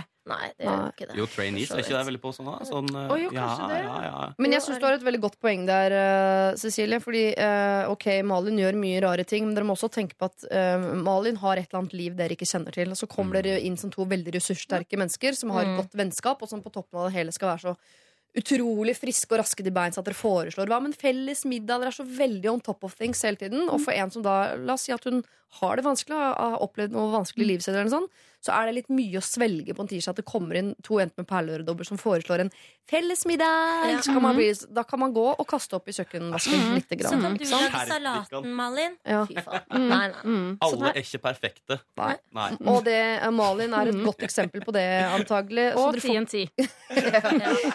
dere får ikke gjort om Malin. Malin skal snart flytte. Men hvordan gjøre den siste tida morsommere? Jo, eh, jeg synes det mest konkrete og beste eksempelet her er at dere lager Malin-bingo. Men det må Malin aldri få vite noen ting om, for det er egentlig slemt. Aldri. Det er veldig slemt. Men det gjør at det blir litt mer levelig for dere at hun gjør rare ting. Og så kan dere jo ta til dere lærdom fra uh, gamlemor Kloppen, da, altså mora til Solveig. Jeg vet ikke hva hun heter. det? Bjørg Bjørg Kloppen, ja, selvfølgelig. Eh, si ble skilt da for, for 25 år siden, så det er Ja. Hjelmstad. er Bjørg Hjelmstad. Bjørn ja. Hjelmstad, ja. Da hør på Bjørg Hjelmstad og ta, og ta inn over dere at det er ikke sikkert dere heller er så lette å bo med. Dette er Er P3. Sonny Alven sammen med Emmy, det her var Our Youth på NRK. Er du dårlig på sånn youth og truth og sånn? Jeg er ikke dårlig på det, jeg bare syns det er flaut. Ja. Du syns det er flaut? Ja, men den TH-lyden er ikke Å, ja. så ille. Den verste lyden er RL. Altså girl, Girl. og Girl. world. Å ja. Og de orda der. Men når du skal snakke engelsk på ordentlig, Ja. hvis du har engelske gjester, for eksempel Det har jeg ikke. Du velger det bort. Ja. Ja, for, men hvis sett at du skulle dumpe borti å ha en engelsk gjest en gang, hadde du gått for britisk aksent eller sånn norsk-norsk? Eller American. Er Ja. litt American Nei, jeg vet det. Jeg har, hadde i kontrakten min med NRK at jeg ikke kunne ha engelske gjester. Så når vi fikk eh, tilbud om å ha en sir et eller annet fra James, som har spilt James Bond en av de. Så Ja. Timothy Dalton eller Ja, noe sånt. ja. Så måtte Gunhild Dahlberg intervjue. Ja. Jeg sa nei takk. Mm. Men det letteste er jo bare å gå for sånn kjempenorsk med en gang. Sånn, Mm. yes, that's very, very good. Mm. Og le litt av seg selv. Mm. But uh, yes, you know. Ja, for det blir, man blir fort flau Yes. av den. Og så bommer man på sånne enkle ting som W og enkel-V og sånn. Mm. It's very, very, very good to have you. Ja, og det er flauere er hvis man har lagt seg til en eh, britisk aksent. Ja. It's wary. Ja. Yeah. Ja, ja, nå Yes, jeg ikke. Yes, Ja, ja, fallhøyden blir liksom yeah. veldig mye Ja. større. Ja, jeg skjønner. Jeg skjønner. Oh. Mm. Men det letteste er jo hvis man går inn i rolle som brite, for eksempel. Jeg merker at Hvis jeg snakker bra britisk, så må jeg late som jeg er en britisk gammel kone. Da går det bra. Men Siri Kan vi få høre det? Uh, Nei. nei synes, You need to talk like this. Ja. Litt sånn Downton Abbey. Ja. ja, men Ja. Det er jo Mm. bra engelsk, men du virker jo helt idiot hvis du skal sitte sånn og snakke det. liksom Yes, Ja. det er sant. Ok, eh, Dere skal slippe å snakke engelsk eh, her eh, i dag. Eh, Solveig Kloppen, Daniel Kommen og Cecilie Steinmann Næss. Eh, vi skal eh, til et problem som jo mange egentlig har. Eh, og den første jeg vet om som hadde dette problemet, er jo sjølveste Jesusbarnet. Å jaså? Oi. Jeg fødte mitt andre Kolik. barn på julaften i fjor. Hvordan feirer jeg dette på best mulig måte i framtiden? Det er jo hennes dag. Min egen bursdag var den viktigste dagen i hele min oppvekst, så jeg vil jo gjøre dagen hennes spesiell for henne. Og jeg skjønner at det kan være mest fornuftig å legge selve feiringen til en annen dag, men da må det jo markeres på selve dagen også, eller? Jeg trenger litt input og tips. Takk på forhånd. Eh, hilsen 'Det går ikke an å knipe igjen', Maria. Maria fødte på Åh, det er eh, grusomt. julaften. Nei, det er ikke grusomt. Det her kan jeg veldig mye om. Søstera Ja. mi har eh, hennes barn er født på julaften. Så du er onkelen til Ja. et Jesusbarn? Jeg er onkel til et Jesusbarn. Eh, Han, eh, hun har et veldig hardt regime. Det er sånn, eh, Du får ikke lov til å ha liksom, eh, Du får ikke lov til å ha gavepaknings, eller innpakningspapir som er fra jul en gang. Eh, og det skjer eh, både på Det skjer på Det er bursdag på morgenen, Ja. eh, og så er det jul på kvelden. Og det her må jeg si, nå blir søsteren min sur på meg, men det er noe forbanna tull. Eh, ha- ta det på en annen dag, vær så snill. Ja. Eh, det blir så mye bedre for han nå, for da er liksom fokuset Eller hun eller han. Da er liksom fokuset der. Ja, for jeg tror Tenker jeg, da. Altså, Nå syns jo mor det er sårt fordi hun uh, unner barnet uh, den oppmerksomheten osv. Og, så og etter hvert så vil jo ungen synes det er kjipt, for du vet at da får du eh, sånn spleisegar, sånn felles jul og bursdag. Ja. Eller så får du en av hver, men da vet du at du får ikke to til 500, du får to til 400. Fordi, Ja. eh, altså, Men, men Ja, for jeg bare lurer på for, Hos din familie da, for, så da, må dere, da samles først hele familien på morgen på julaften?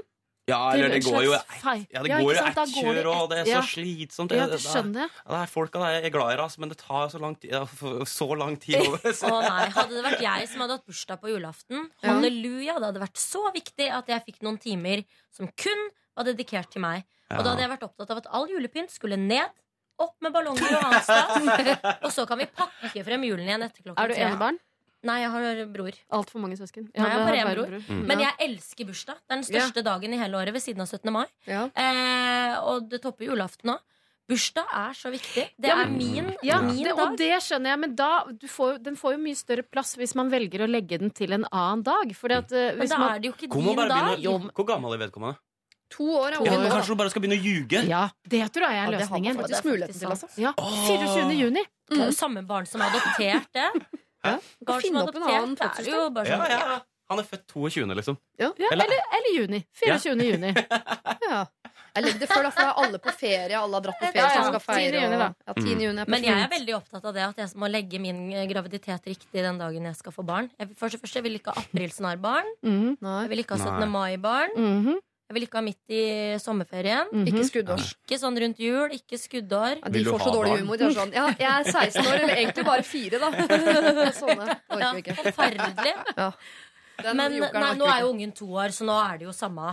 Den ungen tygger jo på gavepapiret uansett hva som er inni Mm. den pakken. Ja. Eh, så det er ikke så viktig. Men jeg tror det er litt samme de som har bursdag på nyttårsaften. Jeg hadde en venninne som har bursdag på nyttårsaften. Hadde en venninne, Hun Ja. lever ennå. Eh, men Men på grunn av det at hun hadde bursdag eh, på Hun hadde bursdag er i hun ikke lenger din 1. januar. Ja. Så idet det var liksom sånn ti, ni, åtte ikke sant? Så var det sånn 'Godt nyttår!' Og så er det sånn 'Jeg har bursdag!' Sånn, Fuck off! Godt nyttår! Det er sånn, Kan ikke du feire litt etterpå? Ja. Den, den er jævlig kjip, da, for da er, liksom, eh, da er det jo liksom sånn at du rett og slett helga etterpå igjen, hvis du skal liksom dra bursdagsselskaper i dag, så er folk veldig Ingenting som topper det. Mm. Nei, nei. Nei, nei. Dårlig Den- råd, Haremo. Det er verre enn julaften, faktisk. Åh, ju- bursdag på julaften. Ja, det det må kan- jo gjøre det til noe spesielt. Si til barnet den, på denne dagen ble også Jesus født. Tenk så staselig. Ja, dere må de er bli kristne, kristne. hvis dere ikke er det fra før. Ja. Ja. Men jeg tenker, ja, gjør det til noe positivt òg, hvis du absolutt ikke, hvis du ikke skal gå med planen vår. Mm, ja. Ljug til barnet, si at du er født, eh, som er en veldig god plan. Ja, det synes jeg er en kjempeplan. Men da burde du gjort det med en gang, tenker jeg. Men ja, men, husk, to år. Husker Ja, men du må få alle i familien til sånn Hysj, ikke snakk om det. Men hvis jeg hadde hatt termin rundt da, så hadde jeg jo bedt om keisersnitt noen dager før eller noen dager etterpå. Det er ikke så enkelt å få keisersnitt, skjønner du, jenta Det mi. går ikke an å gjøre det. Er det ikke det? Er ikke det farlig? Kan man ikke si at du har fødselsangst. det? Mm. Det går kjempebra, det. Ja, det er et tips til dere der ute da som har termin rundt julaften. Men kanskje det var den 23. i et annet land? Det har det jo Ja. vært. Mm. Når du, på døgnet er barnet født, da kan man jo velge at det er 23. eller Ja, 25. sånn, ja. Ja, eller altså På. Fiji-øyene så har du øh, Så ble du egentlig født den 23. Men Ja. kan det ikke være en løsning å ta Ok, så har dere i den lille kjernefamilien en liten feiring på morgenen på julaften. Ja. Dere trenger ikke invitere onkel og sånn, for han har nok annet å, å er- holde på Han med. er et rasshøl. Ja.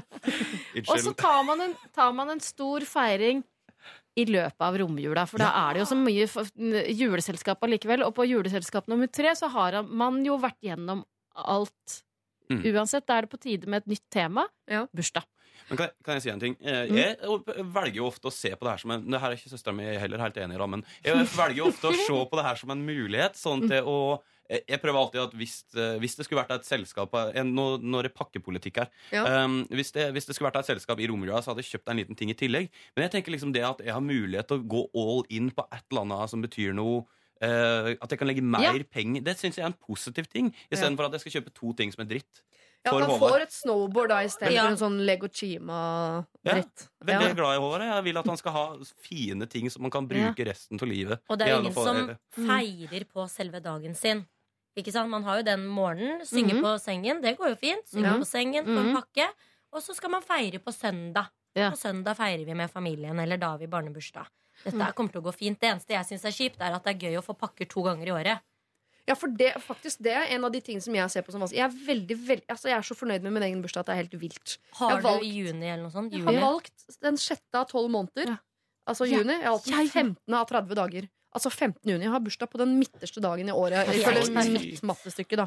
Så jeg får, burs, jeg får gaver to ganger i året på hver, i hver sin sesong. På hver sin side av året. Hvis jeg skulle fått helt, Du blir jo kattemummen hvis du først skal åpne opp 25 gaver klokka Ja. 12 på formiddagen. Og så 25 nye gaver klokka Fordi 6 på Det er like kjedelig å ha bursdag Herregud, hvor mange 16. desember som 24. desember, altså. Har du 16.? Nei, jeg har 4. september. Ja. ja. Mm. Ja, Men det er kjedelig med en gang det er så nærme jul. Mm. Ja. Uansett. Mitt forslag er at man på julaften tidlig på dagen har en eller annen ting man gjør som barnet elsker, som de gleder seg til hvert år, som mm. handler om noe helt annet enn jul. Mm. Hver 24. desember så drar eh, lille Håvard og mor og far og gjør et eller annet som Håvard elsker. Det Mm. kan være hva som helst. Et eller annet Håvard elsker. Eh, og så får han julegavene sine, og så er de enige om en sånn dato som La oss si at Håvard har navnedag da i juni. Kan jo hende. Ja. Sier sånn, men du får altså i juni. Da, Da- feirer vi bursdagen din. Ja. Da får du mye gaver, da. Da får du sjukt mye gaver. Enig. Så man, da trenger man ikke ljuge engang, da. Nei. Nei. Men Sier bare at vi, her, vi feirer navnedagen din og innmari. Ja, Og nå, jul. nå, nå, er vi liksom, eh, nå har vi gått vekk fra hun som er, egentlig er Hva er hun heter igjen? Eh, hun uh, Maria heter hun, men barnet vet ikke. Kanskje Nei, Håvard. Håvard. Nei, men, ja, men, ja, men si at uh, Håvard uh, Nei, jeg, er strengt tatt bare for å ljuge her, altså. Eh, og så bare Tenk så hyggelig det blir for han. En sånn overraskelse seinere i livet. Liksom, eh, når han eh, liksom er sånn Nei, det her blir ikke hyggelig. Hvorfor tror du at det her blir hyggelig? Du forteller i en alder av 16 sånn Vi har kødda med deg, du har bursdag på julaften. Var det planen? Ja, for da, da, da, ser han hvor mye, foreldre har liksom skåna han for. Ja, tenk deg eh, hvis det er en jente da som da har brukt masse stolthet på sånn Åh, jeg er så typisk vannmann, liksom. Når jeg leser vannmannhoroskapet, så er det bare Det er meg, liksom! Og så Ja. sier de sånn eh, Du er fisk. Og det her kunne blitt et veldig Ja, sånn det kan- artig Nei, det er sårt. Men hør nå her. Nå har jeg googla.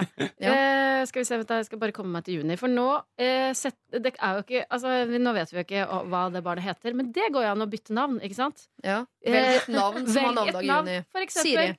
eh, 10. juni Ja. Har Ingolf navnedag. Da bytter dere navn til Ingolf, og så sier dere at vi feirer her i familien feirer vi navnedag. Ikke bare har du bursdag på julaften, men du heter Ingolf. Velkommen til verden. Gratulerer med dagen. Og da, som en bonus, har du også bursdag på samme dag. Altså, da har du navnedag på bursdagen til Solveig Kloppen. Ja, men Ah, liksom, det blir ikke så mye Ja, bedre ja, Ja, ja. Det, uh, Kloppen og Jesus. jeg hadde bursdag sammen med. Jesus, valgte å gå over til Solveig Kloppen. Hun er min Jesus. Ja, uh, dere eh, Vi kan le av dette her, men jeg tror nok for en del eh, barn så er det der med å, å, eh, å skulle få doble gaver og aldri få den oppmerksomheten og sånn, ganske irriterende i mange, mange år. Så jeg tenker at eh, dere eh, markerer bursdagen på selve dagen, og så feirer dere jul som alle andre normale folk. Eh, og så har dere en kjempemarkering et eller annet annet sted, om dere velger da å ta det litt ut i januar, eller om dere velger faktisk å skyve det helt ned til juni av en eller annen grunn, eller til den dagen barna har navnedag eller noe sånt. Så tror jeg det er en vinn-vinn-situasjon for uh, både onkler, som er drittlei uh, feiring på julaften. Nei. For barnet og for dere. Den jula kommer til å slå så ille ut. Du må kjøpe ganske dyre gaver i år, Daniel. Bare så klar over det.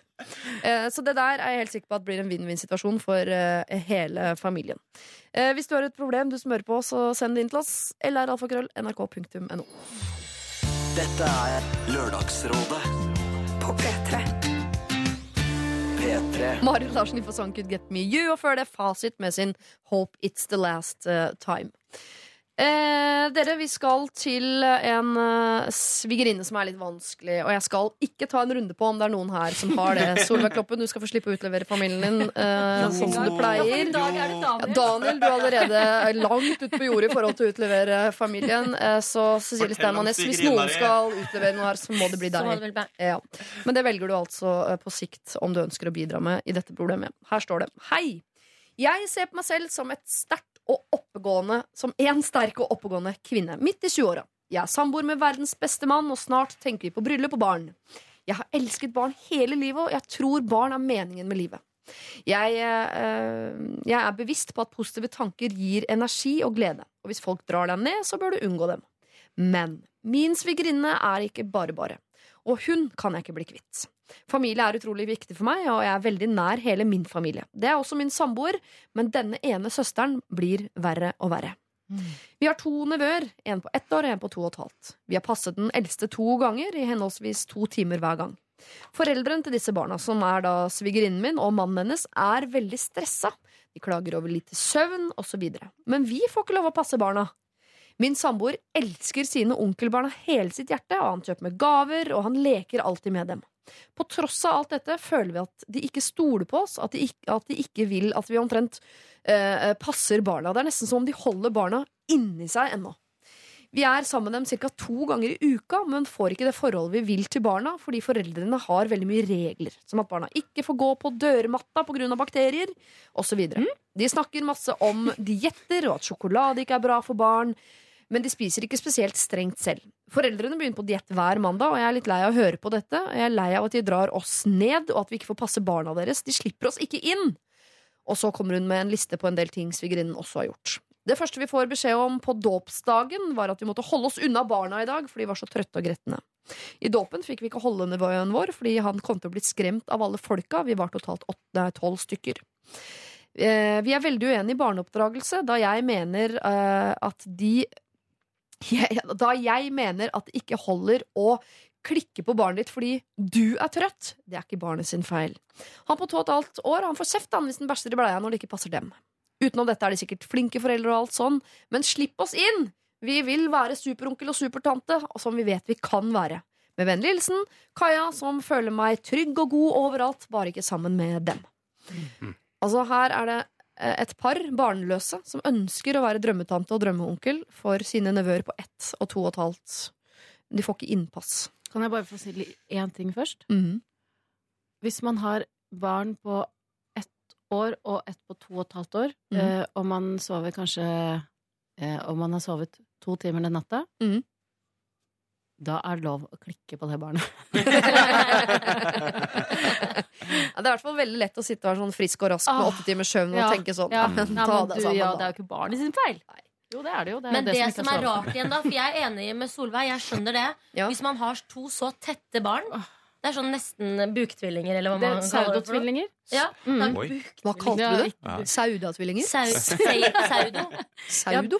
Eh, eh, Bjørnar Edde Eidsvåg er saudatvillinger. At den andre blir ne kommer inn når den andre er på vei ut. Nesten. Saudotvillinger heter det. Ja. Mm. Mm. To så tette altså. barn. Men når du er da så sliten, en vanlig forelder da, når onkel og tante kommer, ville jo sagt åh, gudskjelov, vær så god, lek litt med de, og så kan du ta deg en powernap eller dusje.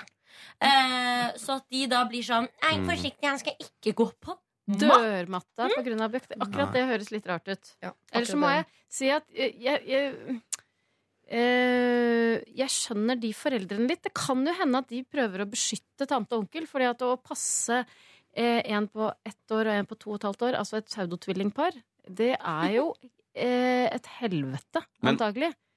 Ja, jeg har ikke kids, men altså hvis Det kan jo ikke være sånn at jeg ikke skal få lov til å passe. Nei, altså- Er ikke det veldig rart? Jeg bare syns det virka veldig merkelig. Eller Men det jo er hende de er forklar, forklar det for meg. Hvorfor Nei, fungerer jeg det sånn? tenker altså, Fordi at man vil altså, Man har jo ikke lyst til å, å plage folk. Uh, og når man har to så tette, så føler man kanskje at man plager folk ved å Det gjør man jo ofte også. Ja, man ja. gjør jo det. Ja, man Mm. plager jo folk med barna sine, rett og slett. Fordi at mm, det er, det er, det er voldsomt. Ja. Um, så det kan jo hende at de bare prøver At prøver man å da er redd for at være man skal greie. se hvor gale de er. At man ikke helt har klart den oppdragelsen. På Nei, men eh, man er jo ikke eh, man er, Det er jo ikke det at man er mm, mislykkes i barneoppdragelsen om barna dine er litt ko-ko når de er ett og to og To et og et halvt. Liksom. Er, God tid til å redde dem inn før Ja, komfen. ja, Ja, ja. Ja. Men det som skjer litt nå, er jo at jeg mener jo at det er masse foreldre der ute mm. som er overfølsomme foreldre.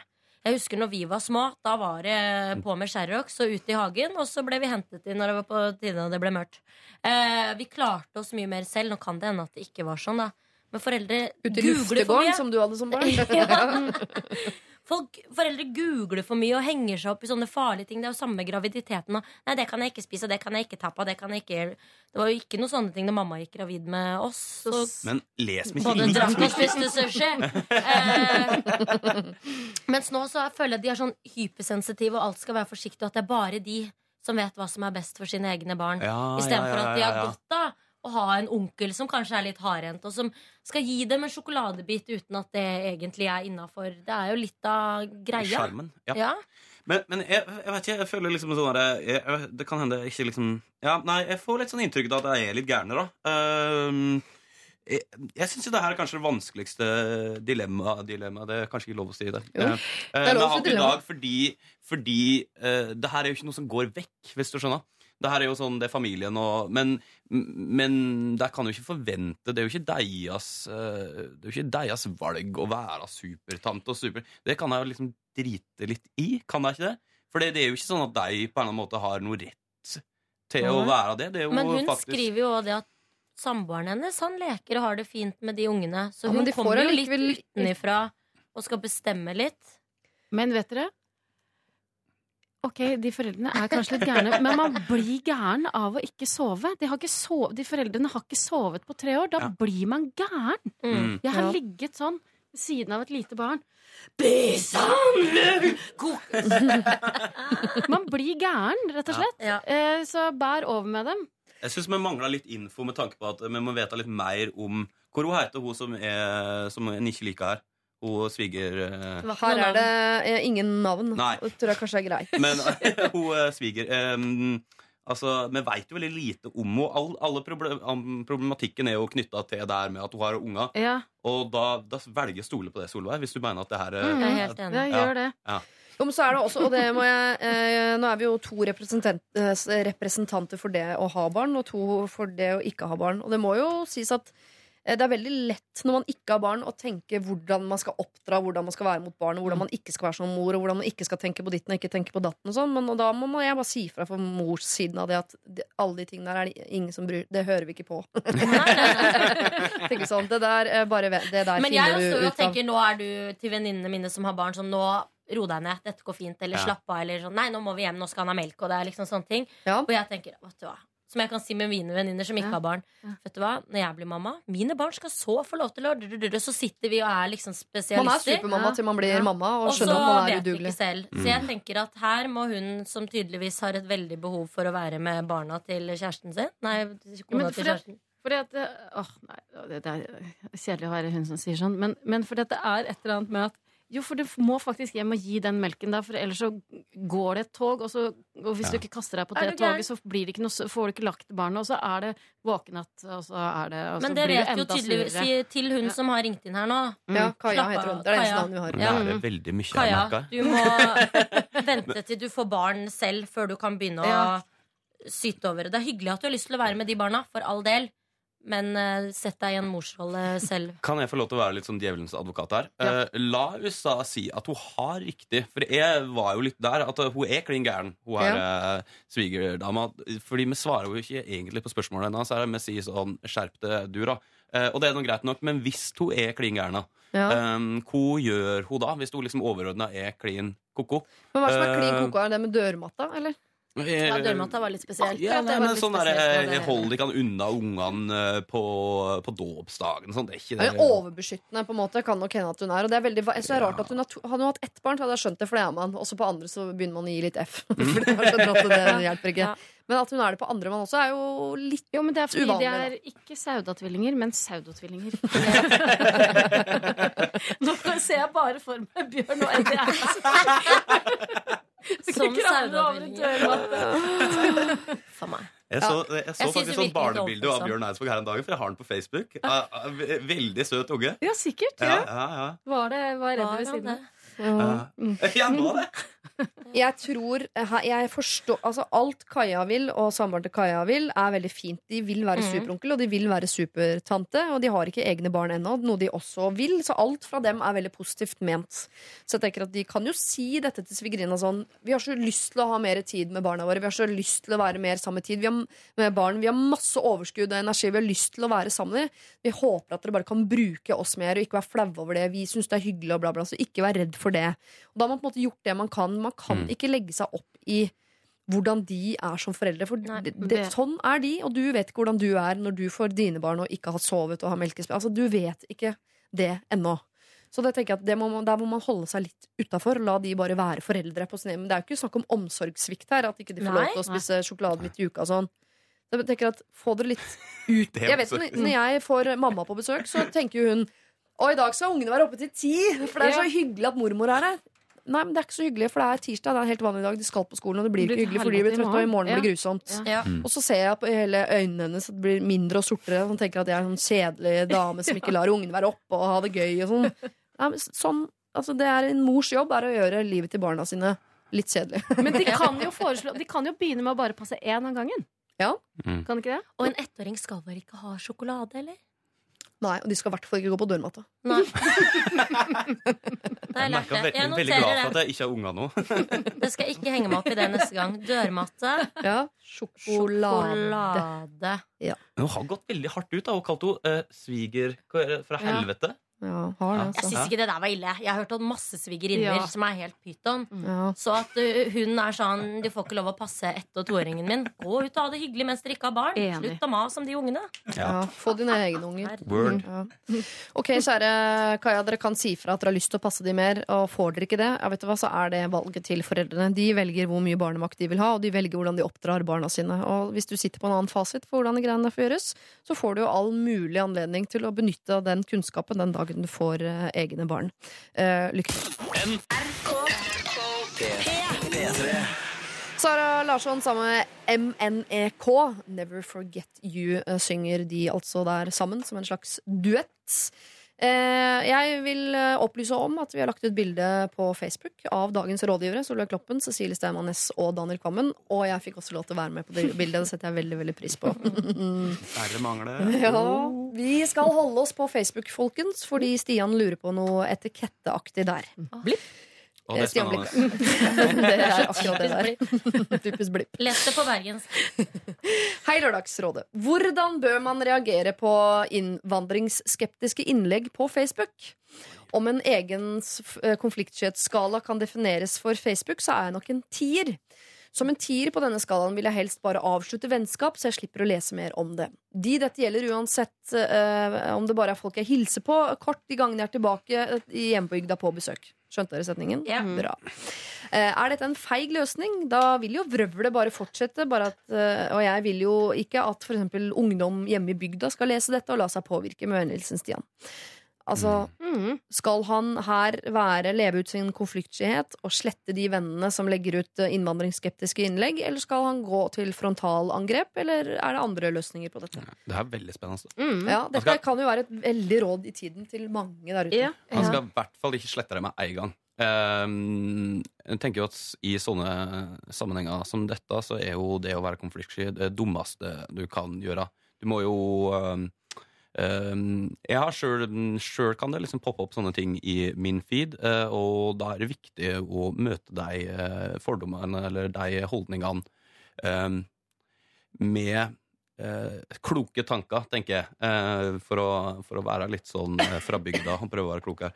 Jeg, jeg tenker det, det er litt sånn der, Du må prøve å analysere litt. Da. Veldig, jeg kommer jo fra bygda sjøl, som sagt, og jeg syns at eh, ofte så er det stor Eller jeg opplever at det er stor forskjell på rasisme og fremmedfrykt. Um, og at det, er, det ligger et eller annet sånn nøkkelaspekt i det å innse at veldig mange er um, ha- handler om mangel på kunnskap for. Ja. Uh, og at det handler om frykt uh, og bare usikkerhet. Og da må en gå inn og prøve å eh, konfrontere deg med dette. Og hvis det viser seg å være forbanna idioter, så kan du slette deg. Det er jo noe som heter at man skal møte frykt med kunnskap. Ja. Eh, Og det tenker jeg at man også kan gjøre på Facebook. Men man merker jo, som du sier, ofte forskjell på om det er noen som er helt idioter, som skriver eh, Satans uh, møkkafolk kommer her og lærer seg Mm. ikke språket Da gidder ikke jeg å gå inn i en diskusjon, for da er det mennesker som det ikke går an å diskutere med. Mm. Eh, så jeg kan hisse meg opp og kjenne sånn Nei, nå må jeg skrive et eller annet. Er det mulig? Og man har jo så mange sånn perifere venner på Facebook, og jeg prøver liksom å luke ut sånn at jeg bare har mennesker jeg kan forholde meg til. Men så dukker det opp en eller annen du har gjort en firmajobb for, eller eh, fetteren til venninnen min. Ikke sant? Som skriver, ofte så er det jo de menneskene som ikke står meg nærme, som skriver sånne ting. Og at jeg da skal gå inn og sta øh, starte en debatt med folk som velger å svare sånn Ja, ja, det kan du se, men uh, Har det hendt at du har gjort så, det? Jeg har aldri gått inn og kommentert. Enten så trykker jeg på hide, og det er jo juks, for da bare fjerner jeg problemet. Mm. Her om dagen så slettet jeg en gammel eh, klassevenninne fordi det ble for mye ting som oh, Hvor jeg bare sånn Nei, nei, nei, dette går ikke. Vi har ikke samme tanker om livet. Dette må, må vekk. Men så setter jeg veldig Jeg går inn og liker kommentarene til de som uh, sier ifra. Mm. Også du backer de som Backer er mindre konfliktsky, på en måte. Ja. Ja. Og det er ikke det at jeg er konfliktsky. Jeg bare kjenner at eh, jeg kommer ikke til å klare å holde meg rolig og reflektert. Fordi idet jeg får et sånt svar som noen av de svarene som kommer, så syns jeg det er så pent når mennesker klarer å skrive ordentlig og klokt tilbake. Mens jeg hadde skrevet Er du helt idiot i huet ditt? Det går ikke an å skrive sånne ting som dette. Og da blir det er jeg dum òg. Mm, er Da ja, blir det er jeg jo veldig dumt. dumme. Ja. Eh, Men det viktige er at jeg, tenker at på en måte sånn du sier, det er lov til å slette, og det er lov til å være den personen som ikke stiller seg helt eh, i front av disse diskusjonene. Det er lov til å være en sånn type person, men det, det, det, det er jo også viktig å tenke på at um, om man sier noe, og om det ikke er så utrolig godt formulert, eller noe sånt, nå, så viser det iallfall uh, Det er en del av en bevegelse, hvis du skjønner. Og Ja. Eh, folk som mener sånne ting, uavhengig om de eh, sier det ubegrunna av Eh, nei, om de sier det av avhengig av hat, eller om de sier det pga. frykt, så, så er det viktig at en møter deg og sier eh, det her er ikke greit, eh, nå tar du feil, eh, og bare eh, Det høres jo veldig tullete ut, men behandle idiotene med respekt, hvis du skjønner, mm. på en eller annen måte. Eh, være litt sånn ekte unge Gandhi oppi det hele. Eh, Ja, for det er jo dumt hvis de ikke skal møte noe motstand heller. Eh, For jeg tenker det bra her er jo at de må bli stoppet. For hvis, eh, rasistene bare snakker med andre rasister, så har man på en måte et, eh, et, eh, Det er jo det som skje- har skjedd i gror Sverige. større og mer. Mm. Ikke sant? Og hvis ingen da går inn og er den som sier sånn hei, hei, nå må vi eh, snurpe inn sekken og så fylle Mm. på med noe kunnskap, så, tenker jeg at det er litt farlig hvis de bare får holde på som de vil. Jeg tenker at vi, tenker at vi nå har fått bevis for at uh, det er ikke bare uh, Geilo-dialekta som gjør Daniel Kvammen klok. Det er også tankene hans. Ja, Mm. det er Tusen- fint. tusen At tusen tankene følger opp dialekta, som vi ja. sier. Mm. Mm. Ja. Det var det jeg lovde i starten her. Men jeg er enig i at det er lov, selvfølgelig. Men uh, han kaller, altså, han, Stian skriver en som ønsker seg en liker ikke-knapp på Facebook. Eller litt mer mot. Hva tenker dere der? Skal folk bli flinkere til å, å si fra eh, i kommentarfelt? Ja. Eller burde vi Mm. hatt denne liker ikke-knappen? Nei, det er for Nei, det skal, Ja, nei. liker jeg kan ikke ha knappen. liker Nei, ikke. Det, altså, fordi ehm, det er samme retorikken som uh, de bruker. Eh, det er jo bare å være, det er å være på deres lag, hvis du skjønner. Ehm, og si Nei, dette syns jeg er dritt. Eh, det, fordi det, du, ja, det, er jo ikke noe, det ligger jo ikke noe eh, forklaring bak Nei, på hvorfor han liker det. Gru- Ikke liker det. Ja, jeg jeg kjenner at jeg blir litt stille, det er fordi at jeg er, bare er innom Facebook av og til. Og fort, løper fort ut igjen. Men, Ja. men jeg føler at jeg opplever noe av det samme i taxi av og til. Eh, Med taxisjåførene, ikke sant. Mm. Som eh, eh, noen kommer med veldig rasistiske ytringer. Eh, innimellom så føler jeg at jeg trykker på liker ikke-knappen. Det vil si at jeg bare blir helt stille. Mm. Eh, og av og til så orker jeg å ta den diskusjonen på veien fra Majorstua til Tåsen, liksom. Gå og ta den debatten. Og da Men da føler er det norske litt taxisjåfører som Ja, snakker så- ufint. Ja, ja. Ja, det er det. Men det er en så ekkel situasjon, Ja. fordi jeg hater når jeg som kunde Ja. bør si ifra, men at Ja. de setter meg. Det er sånn Jeg ja, hersketeknikk. ja, ja. Jeg sitter Mm. alene i en bil med et Mhm. menneske, Mm.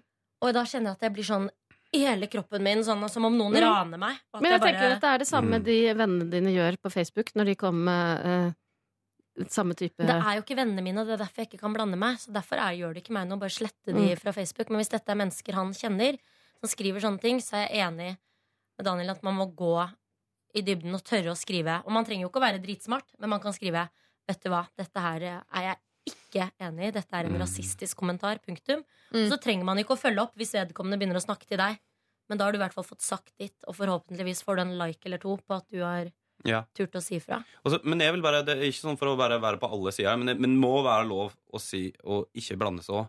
men jeg kan si det at hvis du gjør det, og hvis du gjør det med eh, på en eller annen måte, eh, Hvis du gjør det med intens gode intensjoner og prøver å være saklig, så kommer det til å ha noe å si. Det kan jeg Mm. jo tenke. Mm. Um, Men mm. det dumme med å uh, trykke på hide eller slette på Facebook, eller sånn, at det, er, det føles litt sånn som det ringer på å stikke av. At det, er, det, Mm. får liksom, eh, det får ingen konsekvenser for de som skriver eh, stygge ting på Facebook. De merker det og antagelig ikke jeg bare tenker de tankene fins der ute, selv om du ikke ser dem. Og jeg tenker at uh, hvor, det plager vel ikke deg Det som plager deg, er at disse holdningene fins. De holdningene forsvinner ikke ved at du setter på skylappene eller slutter å følge.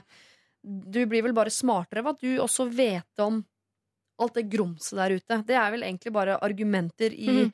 Mm. som, For at du skal kjøre på. Og ja, si, eller som kan gi deg egentlig liksom næring til å, eh, om ikke annet, så kanskje med dine venner eller din familie eller andre plattformer eh, har lyst til å stå imot da, når, hvis du treffer på dette her på andre steder enn på Facebook. Så jeg Mm. syns ikke det er så lurt å, lurt å droppe de som venner. Nei. Men man må Helt ikke enig. hive seg inn i debatten. Det må Mm. man ikke. Mm.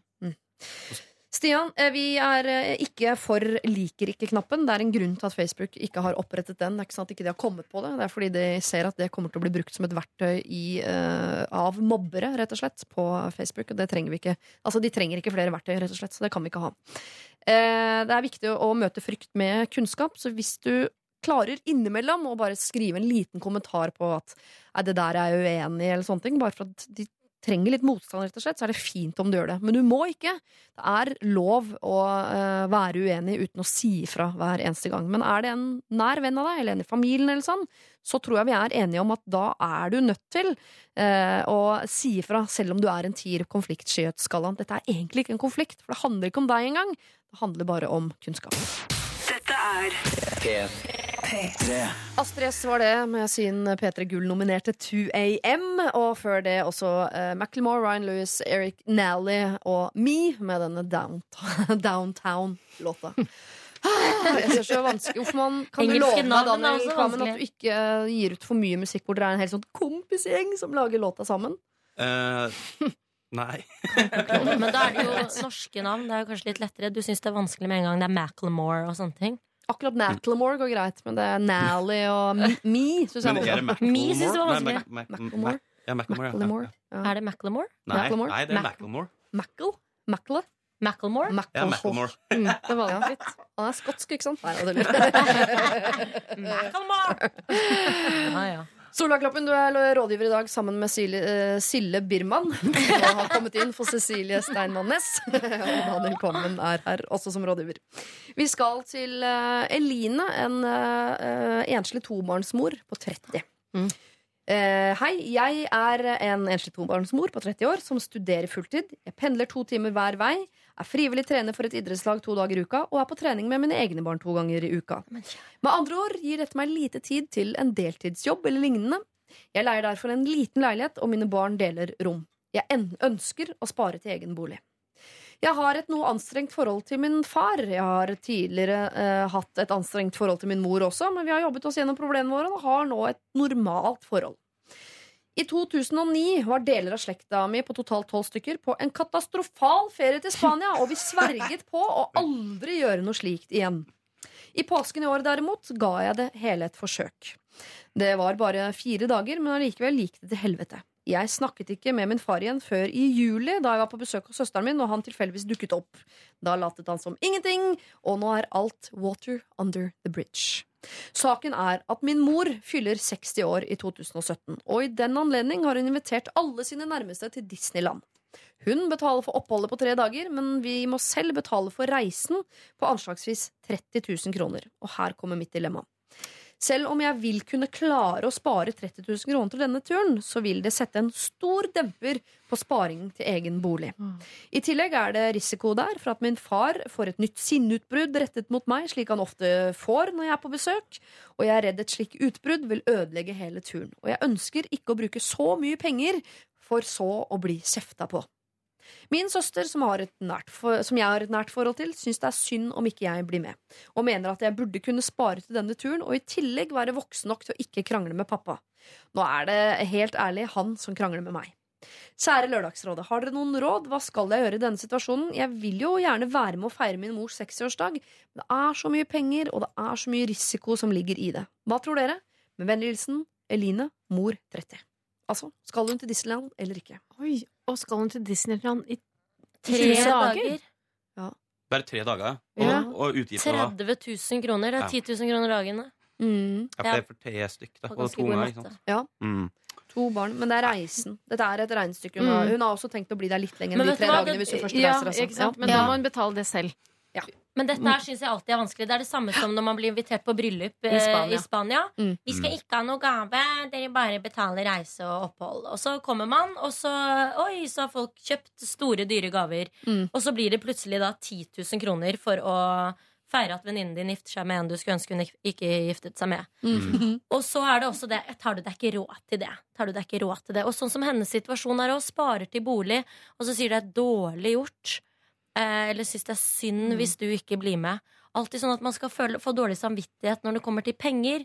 Og så Mm. i tillegg at uh, hun skal gå på en ny uh, familiesmell med denne hissige Mm. faren. Nei, dette syns jeg var vanskelig. Ja, det var veldig vanskelig. Mm. Men jeg må si det bare sånn uh, intuitivt, så tenker jeg, uten å tenke så veldig mye gjennom det, det er helt greit om å ikke bli med, eh, men da må hun tenke over hvor viktig er det for mor hennes, og er det så, hvor viktig er det for søster hennes. Eh, men sånn intuitivt så tenker jeg det er greit hvis du ikke føler at du stjeler noe fra eh, familien din, altså eh, søster, mor og barn. Det tenker jeg at Mm. eh, hvis, det Mm. ikke, hvis det ikke er sånn krise, for det virka litt sånn derre det her blir, det her blir sjukt hyggelig. Bli Men med. ja, litt Eller? Ja, rart av litt- mor å er invitere ja, med, eller? Så Ja. rart at mor gjør det. Hun vet jo hvilken situasjon Eline er i. Ja. 30 år mm. alene med to små barn. Ja, Og studerer. Heltid. Ja, det, alle grunnene sier jo at det er greit, liksom. Ja, det er lov å si nei da. Eller? Ja. Hun har jo Altså- lyst da, til å feire moren sin. Ja, men uh... Selvfølgelig, men moren sitt- setter henne i en kjempevanskelig situasjon. Og i så fall da så bør mor si mens, Men jeg kan betale halvparten for deg, for jeg vet at du eh, Mm. studerer og har eh, to barn alene. Ja, hvis jeg var Eline, så ville jeg tatt en prat med mor. Altså. Rett og slett sagt du, Ja. jeg har så lyst til å eh, feire deg ordentlig, men jeg kan ikke gjøre det i Disneyland. Nei. Jeg liker jo ikke Mikke og Donald heller. Ok, Men da er jo Eline sju Nei. Nei, men liksom Kan vi dra til Leos lekeland og så spise på Peppes? Det går jo an å gjøre en uh, mindre variant av det. Ja. Hvorfor skal mor som fyller 60 år til Disneyland? Har det vært en gammel drøm for mor? Jeg er stusser litt over det selv, faktisk. Jeg må innrømme Ja. For det var merkelig at Istedenfor at hun sa nei, vi skal til Cannes eller vi skal et eller annet, for hun det... har lyst til å fjonge seg i en alder av 60. Men det vitna jo litt om at dette her er en veldig sånn familiegreie. da Ja. Så det prata jo litt imot eh, Mot det vi nettopp sa, at det virka som at det er lagt opp til at det her skal være veldig Dette gjør samlende. hun egentlig for barnebarnas Ja. eh, skyld. Men Mm. er det ikke litt sånn som Carpe Diem sier i den låta 'Du ber om litt for mye'? Mm. Eh, eller? Jo. Føler alle det? Jeg føler kanskje at det er litt for voldsomt. Og jeg, Mm. jeg skjønner liksom sånn det, Vi har god Vi, vi har liksom trua på Eller vi, vi føler med mora her òg, og alle intensjonene, men det blir litt voldsomt for Ja. Men jeg tenker at uh, okay, La oss si at Eline har kjempe, kjempe, kjempelyst til å dra til Disneyland. Eh, eh, sammen med moren og har lyst til å feire og vil være med, og søsteren er der og alt. Ikke sant? Mm. Og jeg tenker at eh, Hvis man hadde skrevet dette med en annen penn på et annet papir, så kunne det der hørtes ut som en veldig, veldig, Mm. veldig morsom tur. Eh, jeg tror veldig mye av problemet er Ja, det er et økonomisk problem, men der kan man alltids be om noe, litt hjelp og litt støtte og sånn. Eh, men det handler nok om at hun Far. er redd for at Å ja, så har jeg flydd helt til fuckings Florida. Eh, brukt opp 30 000 kroner, og så står du og så blir det uhyggelig. Fordi Ja. jeg står og krangler med faren min, Ja. Mm. mens Mikke og Donald står og ser på. Mm. Det tenker jeg er, liksom, det er hennes store skrekk oppi det der. At, det, at hun skal komme hjem og tenke sånn Det var virkelig ikke verdt det. Nå har jeg kasta når hun- 30 ja. 000 kroner Ja. ned i utedo. Ja. Først skal bruke så mye penger som hun tar fra boliglånet sitt. Hun tar fra det barna sine, bare for å gjøre det enda mer. Bare legge på. Mm. ja. Patos. Ja, men hun gir deg også noe, annet. Det kan jo, hvis En hun krangler litt med ja. faren så kan jo, Det er ikke sikkert har, tar seg råd til det her så veldig ofte. Hvis de er i den situasjonen, så kan det jo hende at det blir en fantastisk opplevelse for disse ungene nå, da. Ja. Eh, og liksom, det her er noe med at jeg kommer til å huske det. Jo, når jeg var i Disneyland når jeg var liten. Det husker jeg veldig godt. Ja, Ja, da men husker man jeg at skal ikke mamma og kimse av barn. morfar også krangla. Korrekt. Ja, Man skal ikke Ja. kimse av barn. De ser når mamma Ja. ikke har det bra. Ja. Da har ikke barna det bra heller. De vil merke hvis hun er anspent eller lei seg eller kommer i krangling. Åh, oh, Jeg syns ikke dette høres bra ut. Jeg Jeg. lurer på hva den krangelen med far er. Ja, man lurer Han blir hissig, han har temperament, han. Ja. Kan Eline gi litt motstand, hun da? ikke sant? Mm. Det liker ikke Og han. så være hissig på datteren og to pene barnebarn. Og at han ikke Skjerpings, far. Enig. Han må skjerpe seg. Mm. Men uh, Eline, det høres ut som Eline hadde trengt tre dager i Disneyland. Hun bare trenger ikke at far kjefter på henne i tillegg. Hun Mm. hadde trengt en liten pause. Men jeg hadde hun trengt tre sånn dager i Disneyland? Nei, jeg, jeg skulle til å si det. Er det tre dager i Disneyland hun trenger? Ja, altså, Disney ikke- Spa. Mm. Ja, ja.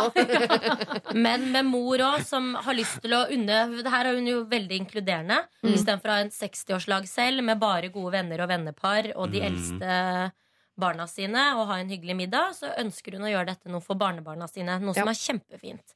Men så har man noe som heter uh, København. Eh, og Mm, eh, tivoli. tivoli. Mhm. Som da hadde gjort at dette kanskje kostet henne 3000 kroner med utgifter og reise istedenfor 30 000 kroner. Mye penger. Eh, altså. Det er kjempemye penger. Og så er det lettere å krangle med pappa i København Ja. eh, enn å skulle sitte på en 18 timers flytur oh, ja. etterpå. Og så har pappa fått sete 21B, og du har 21A. Eh, da er det Det- Jeg hadde sagt å, skal du ta med barna mine til Disneyland? Så hyggelig! God tur! Men hvis eh, Eline syns det er vanskelig, så kan hun jo kanskje prøve å, å snakke med søsteren sin først. Og legge en slagplan sammen med henne. For de er Mm. jo tette. ja. Men det virker ikke som hun søsteren som hun har et nært forhold til, Ja. er helt liksom klar over situasjonen For, her. for hun prøver å ikke krangle med ja, pappa. prøv å være Ja, voksen ja. nok til ikke å krangle, da. Ja. Eh, ja, men er jeg voksen nok til ikke å bli kjefta på? Jeg vet ikke. Mm. Nei, jeg mener altså seriøst, ikke, ikke reis, altså. Si det på en fin måte at det her blir, blir for dyrt for meg, men bare uh, chill, liksom. Nei. Nei, Nei, ikke ja. reis. Jeg hadde snakket med mamma, de- de og så hadde jeg snakket med pappa og sagt kjære pappa, nå er vi på talefot igjen etter en lang periode hvor vi ikke snakket sammen. Eh, nå skal vi bruke masse, masse penger på å reise langt av gårde og feire mamma. Mm. Kan vi prøve å unngå å, å krangle med hverandre? Og så er søster og mor også litt på Å ja, så du tenker at hun skal dra? Jeg tenker at Hun har jo lyst til å være en del av dette, her, og hvis hovedgrunnen egentlig ikke er det økonomiske, for det setter hun av penger til, så må det være å snakke med foreldrene sine om at dette er mye penger jeg må bruke hvis jeg velger å bli med på dette her. Da er det viktig at jeg ikke har en far som står og skriker i øret på meg mens vi tar tekoppene, på en måte. Ja. Jeg tenker også 30 000 kroner er veldig mye penger. La oss si at det vil hun brukt eh, Hvis hun er flink, så sparer hun 30 000 kroner på et år. Så er det et helt år med sparing da, som mm. forsvinner. Men samtidig, idet du skal kjøpe egen bolig, så er 30 000 kroner en ganske liten sum allikevel. Eh, Mhm. Sånn i det store Men det 30 hele. 000 kroner går jo ikke an å spare hvis du studerer heltid. Nei, jeg skjønner ikke Nei, helt hvordan det der eh, går opp. Altså. Eh, Jeg skjønner det ikke hvordan det er mulig. Nei. Eh, Jeg tenker, Her har hun to, uh, to muligheter. Hun kan snakke med søster, mor, far osv.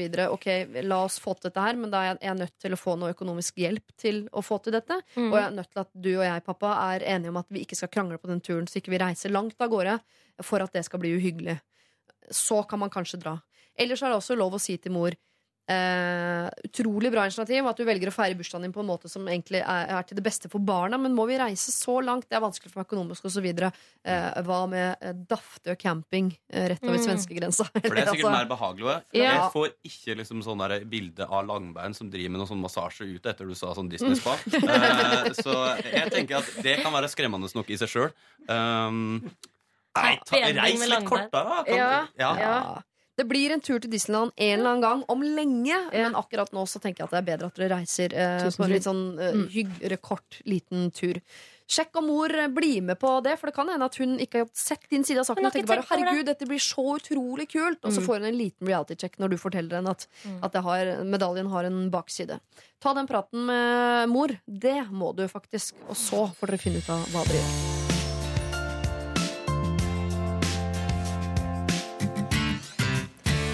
Pia Mia var det med sin touch, som er veldig vanskelig for meg å, å ta alvorlig. Uh, fordi jeg i mange år har kalt puppene mine for Pia Mia. Og når man da kaller låta for touch i tillegg, så det blir for nært for meg til at jeg kan si det uten at jeg må le litt grann bak, langt bak i hodet Pia mitt. Mia. Pia Mia. Pia Mia. Jeg kaller tissen min for venninnen min. Det syns mange er ekkelt. Ja. ja, det er litt ekkelt. Vil du ligge med venninnen min? Ja. Alle bare ja, ja. Min. Og så er det deg. Bare Sånn, nei, åh, nå har jeg vondt i venninnen min. Nei, nå er venninnen min trist.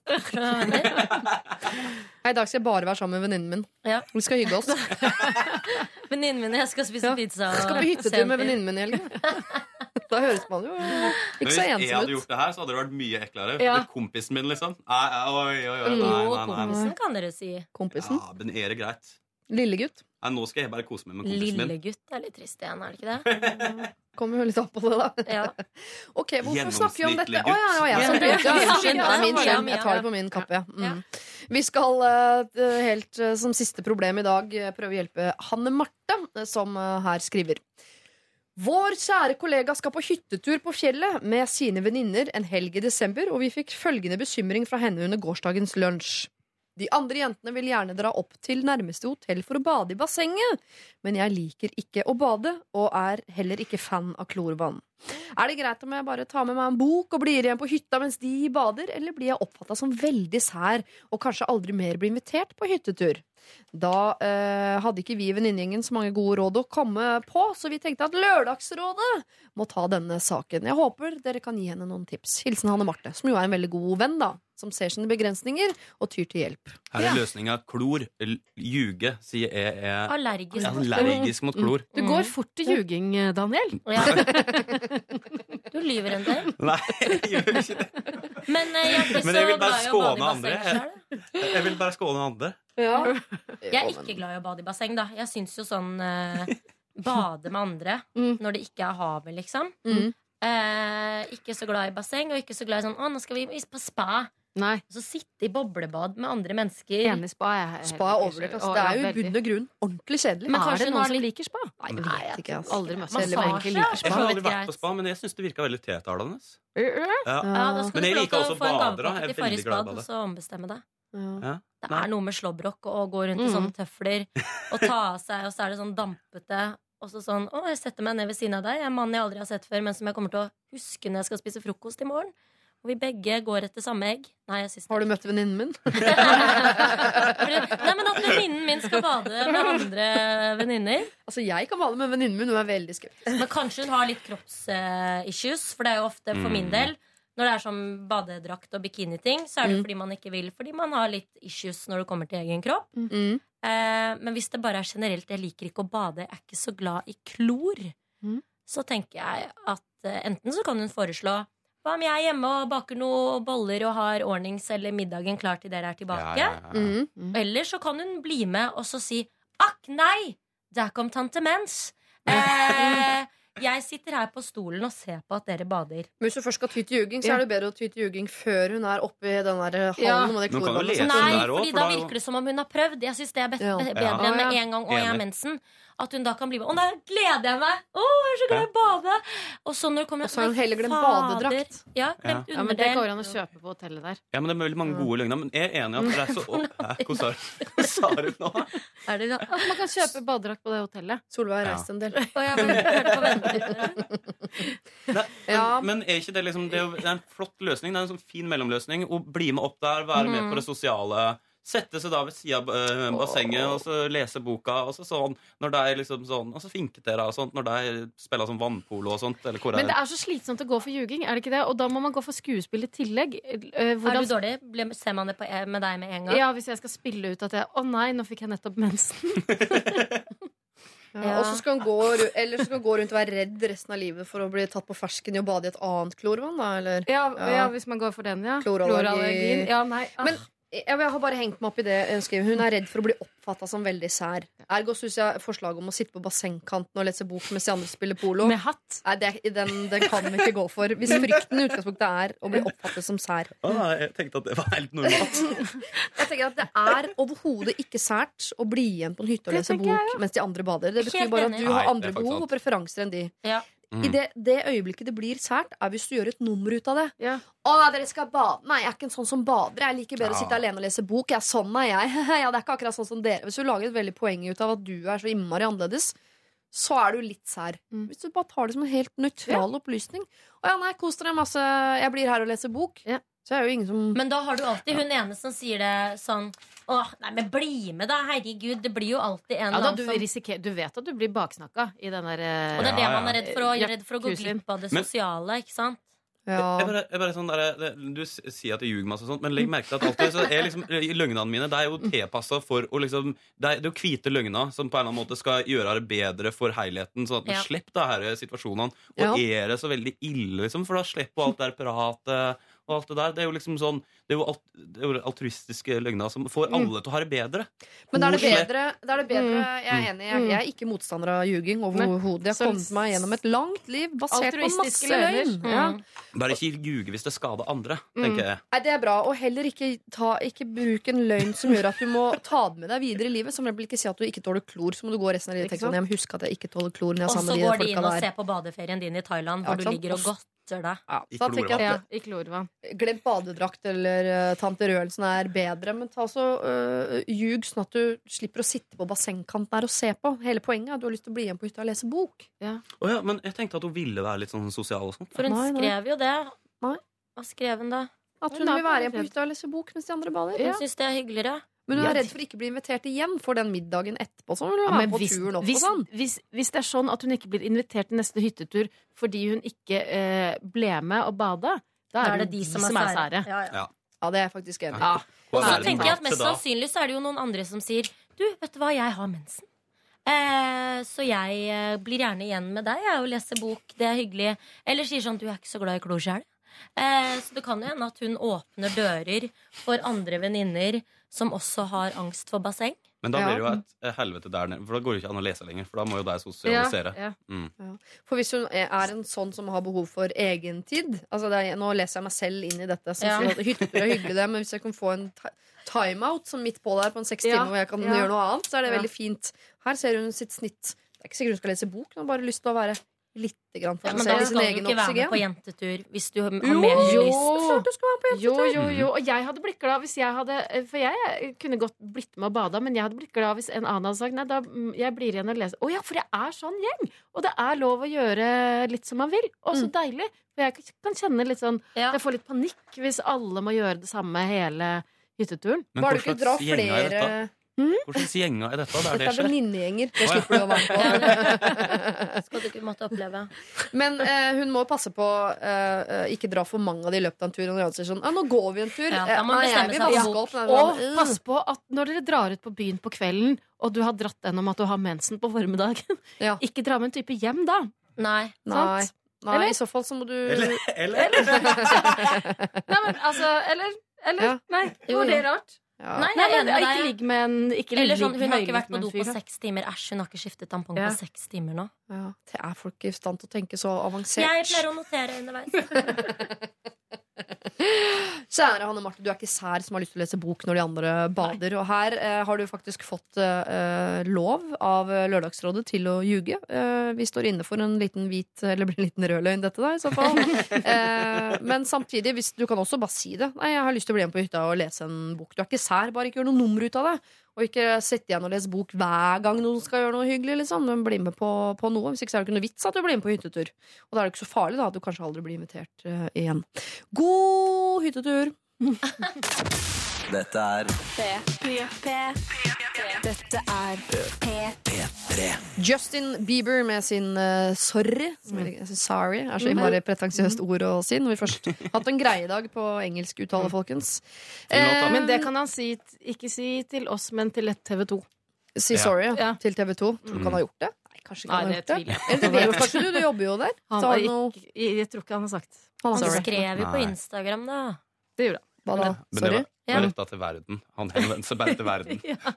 Oh, World. World. Det er vanskelig for oss, men jeg tror han har det veldig veldig vanskelig. Så det må være greit, sier jeg fra et uh, Jeg føler med han. Jeg føler at jeg har det sånn ofte. Kanskje du kan gi han noen sånne timer hvor du bare uh, lærer han litt om livet. Hvis du treffer han en gang. Det hadde vært fint. Mm. Jeg har faktisk is- pint meg gjennom mange konserter med både eh, væske og diverse på scenen. Andre Oi. folk til og med som spenner bandet mitt, som er der oppe. Shit. Det er vondt. Så ekkelt. Mm, Og forferdelig. Neste gang, Daniel. neste gang. Dere skal få lov til å dele ut en kopp eh, nå til eh, en av de som har sendt inn problem til oss her i dag, som dere føler at fortjener en kopp, av en eller annen grunn. Eh, jeg skal gå igjennom. Vi har truffet Ola, som har hatt den samme kjæresten i jeg er frista til å si 100 år. Ja. Det er i hvert fall over Ja. 10 år. De har hatt hele ungdomstiden sin sammen. Og nå føler han at han står ved et veiskille og har lyst til å gå videre. Kanskje uten da denne ungdomskjæresten. Så hadde vi kattedama med klamydia. Jeg trenger vel neppe å gå uh, gjennom det på nytt. Eh, vi har også truffet Tuva, Trine og Malin, eh, som bor i samme bokollektiv. Hvor Tuva og Trine er trainee og gode venninner. Malin er en litt vanskelig type å bo med. Vi har vært innom Jesusbarnet i dag, og, eh, som eh, er så uheldig å ha bursdag på julaften, gitt. Eh, hvordan skal dette barnet få oppmerksomhet rundt sin bursdag på en dag hvor alle andre er veldig opptatt med andre ting? Så har vi blitt kjent med Kaja, som selv tenker at hun har svigerinna fra helvete. Slipper ikke til som den drømmetanta hun ønsker å være. Stian eh, lurer på, som mange, om ikke man skal få inn en liker ikke-knapp, eller hvordan man skal forholde seg på Facebook til folk man ja, perifert kjenner, eller kanskje kjenner godt, som eh, har rasistiske holdninger eh, på sosiale medier. Så er det Eline som lurer på om hun skal bruke 30 000 kroner på å komme seg til Disneyland for å feire sin mors 60-årsdag, når hun potensielt eh, kommer til å bli kjefta på av sin far, noe hun alltid blir når hun er sammen med sine foreldre. Eian Særing lurer eh, Hanne Marte på Hun lurer jo da på dette på vegne av en venninne som lurer på om hun er sær hvis hun drar på hyttetur med kollegaer og velger å bli igjen og lese bok mens de andre bader i klor. Det er ikke bilde for noe annet, forresten. Det høres sånn ut. Hvem fortjener kupp? Ola. Ola. Det var Facebook. Nei, Nei. ungdomskjærligheten. Ungdomskjærlighet. Ungdomskjærlighet. Jeg Mm. står mellom eh, Ola og Eline. Jeg fikk veldig vondt av Eline med økonomien og en streng, eh, sur pappa. Ja. Ola og Eline, det er fine navn. Ja. Mm. Høres ut som et søskenpar. Mm. Ja, eh, Ola og Eline. Hva tenker du, Solveig? Jeg, bare fikk litt Ola, hjerte for han Ola. Uh, han høres ut som en ålreit fyr, og som trenger en liksom, lite push. Ja. Ja. Jeg var veldig på den Facebook-greia. Jeg synes det var så flott å liksom, Ja, ja. ta tak i noe ordentlig som Ja. alle får helt lyst til. Ja. Ja. Noen dager. Og hvordan skal Ola forklare til kjæresten Kanskje det er en fin måte å komme ut av det forholdet Mm. på? da At han får en kopp Ja. i posten. Og så bare 'Hvordan har du fått denne koppen her?' Ja. Som utenforstående så må jeg jo si at eh, dere eh, har jo gjort livet til Ola veldig vanskelig. Han skal gjennom noe ganske vanskelig hvis han Mm. velger å følge Lørdagsrådet sitt, uh, eh, sitt råd her. Ja, Ola fortjener både Mm. kopp og kniv. Ja. Først vanskelig, så veldig bra. Ja. Mm. Jo, jo, jo, men han skal gjennom en tøff Derfor, tørn i livet sitt, da, Ja. potensielt. derfor skal han få en kopp. Ja, Ja. Ola. Da blir det Ola. ja, hvis du er med på det, uh, Ja, så Daniel. hvis alle mener Ola, så, så går vi for Ola. ja. Nei, det er, så- altså, her har ikke jeg noe jeg skulle ha sagt, selv om jeg allerede har gjort det. det er det som er så fint. ok, dere, jeg syns jeg hører at alle er, er med på at Ola får en kopp. Ja. Og da gjør han faktisk det. Gratulerer, Ola. Og lykke til. Og lykke til. Det kommer en uh, kopp til deg. Eh, tusen takk for at dere kunne komme og være rådgivere her i dag. Da, dere. Tusen Tusen takk for at vi fikk komme. Ja, jeg håper dere får en fin lørdag videre, og det håper jeg også at du som hører på får. Eh, Det er straks nyheter her på kanalen, og så er det, klart for, eh, så er det klart for Rå Osnes, som selv eh, sender direkte fra kaikanten i uh, Bodø. Opp mot nyhetene så får du uh, her Nico og Vince. Dette her er Our Love. P3 Dette er Lørdagsrådet på P3. P3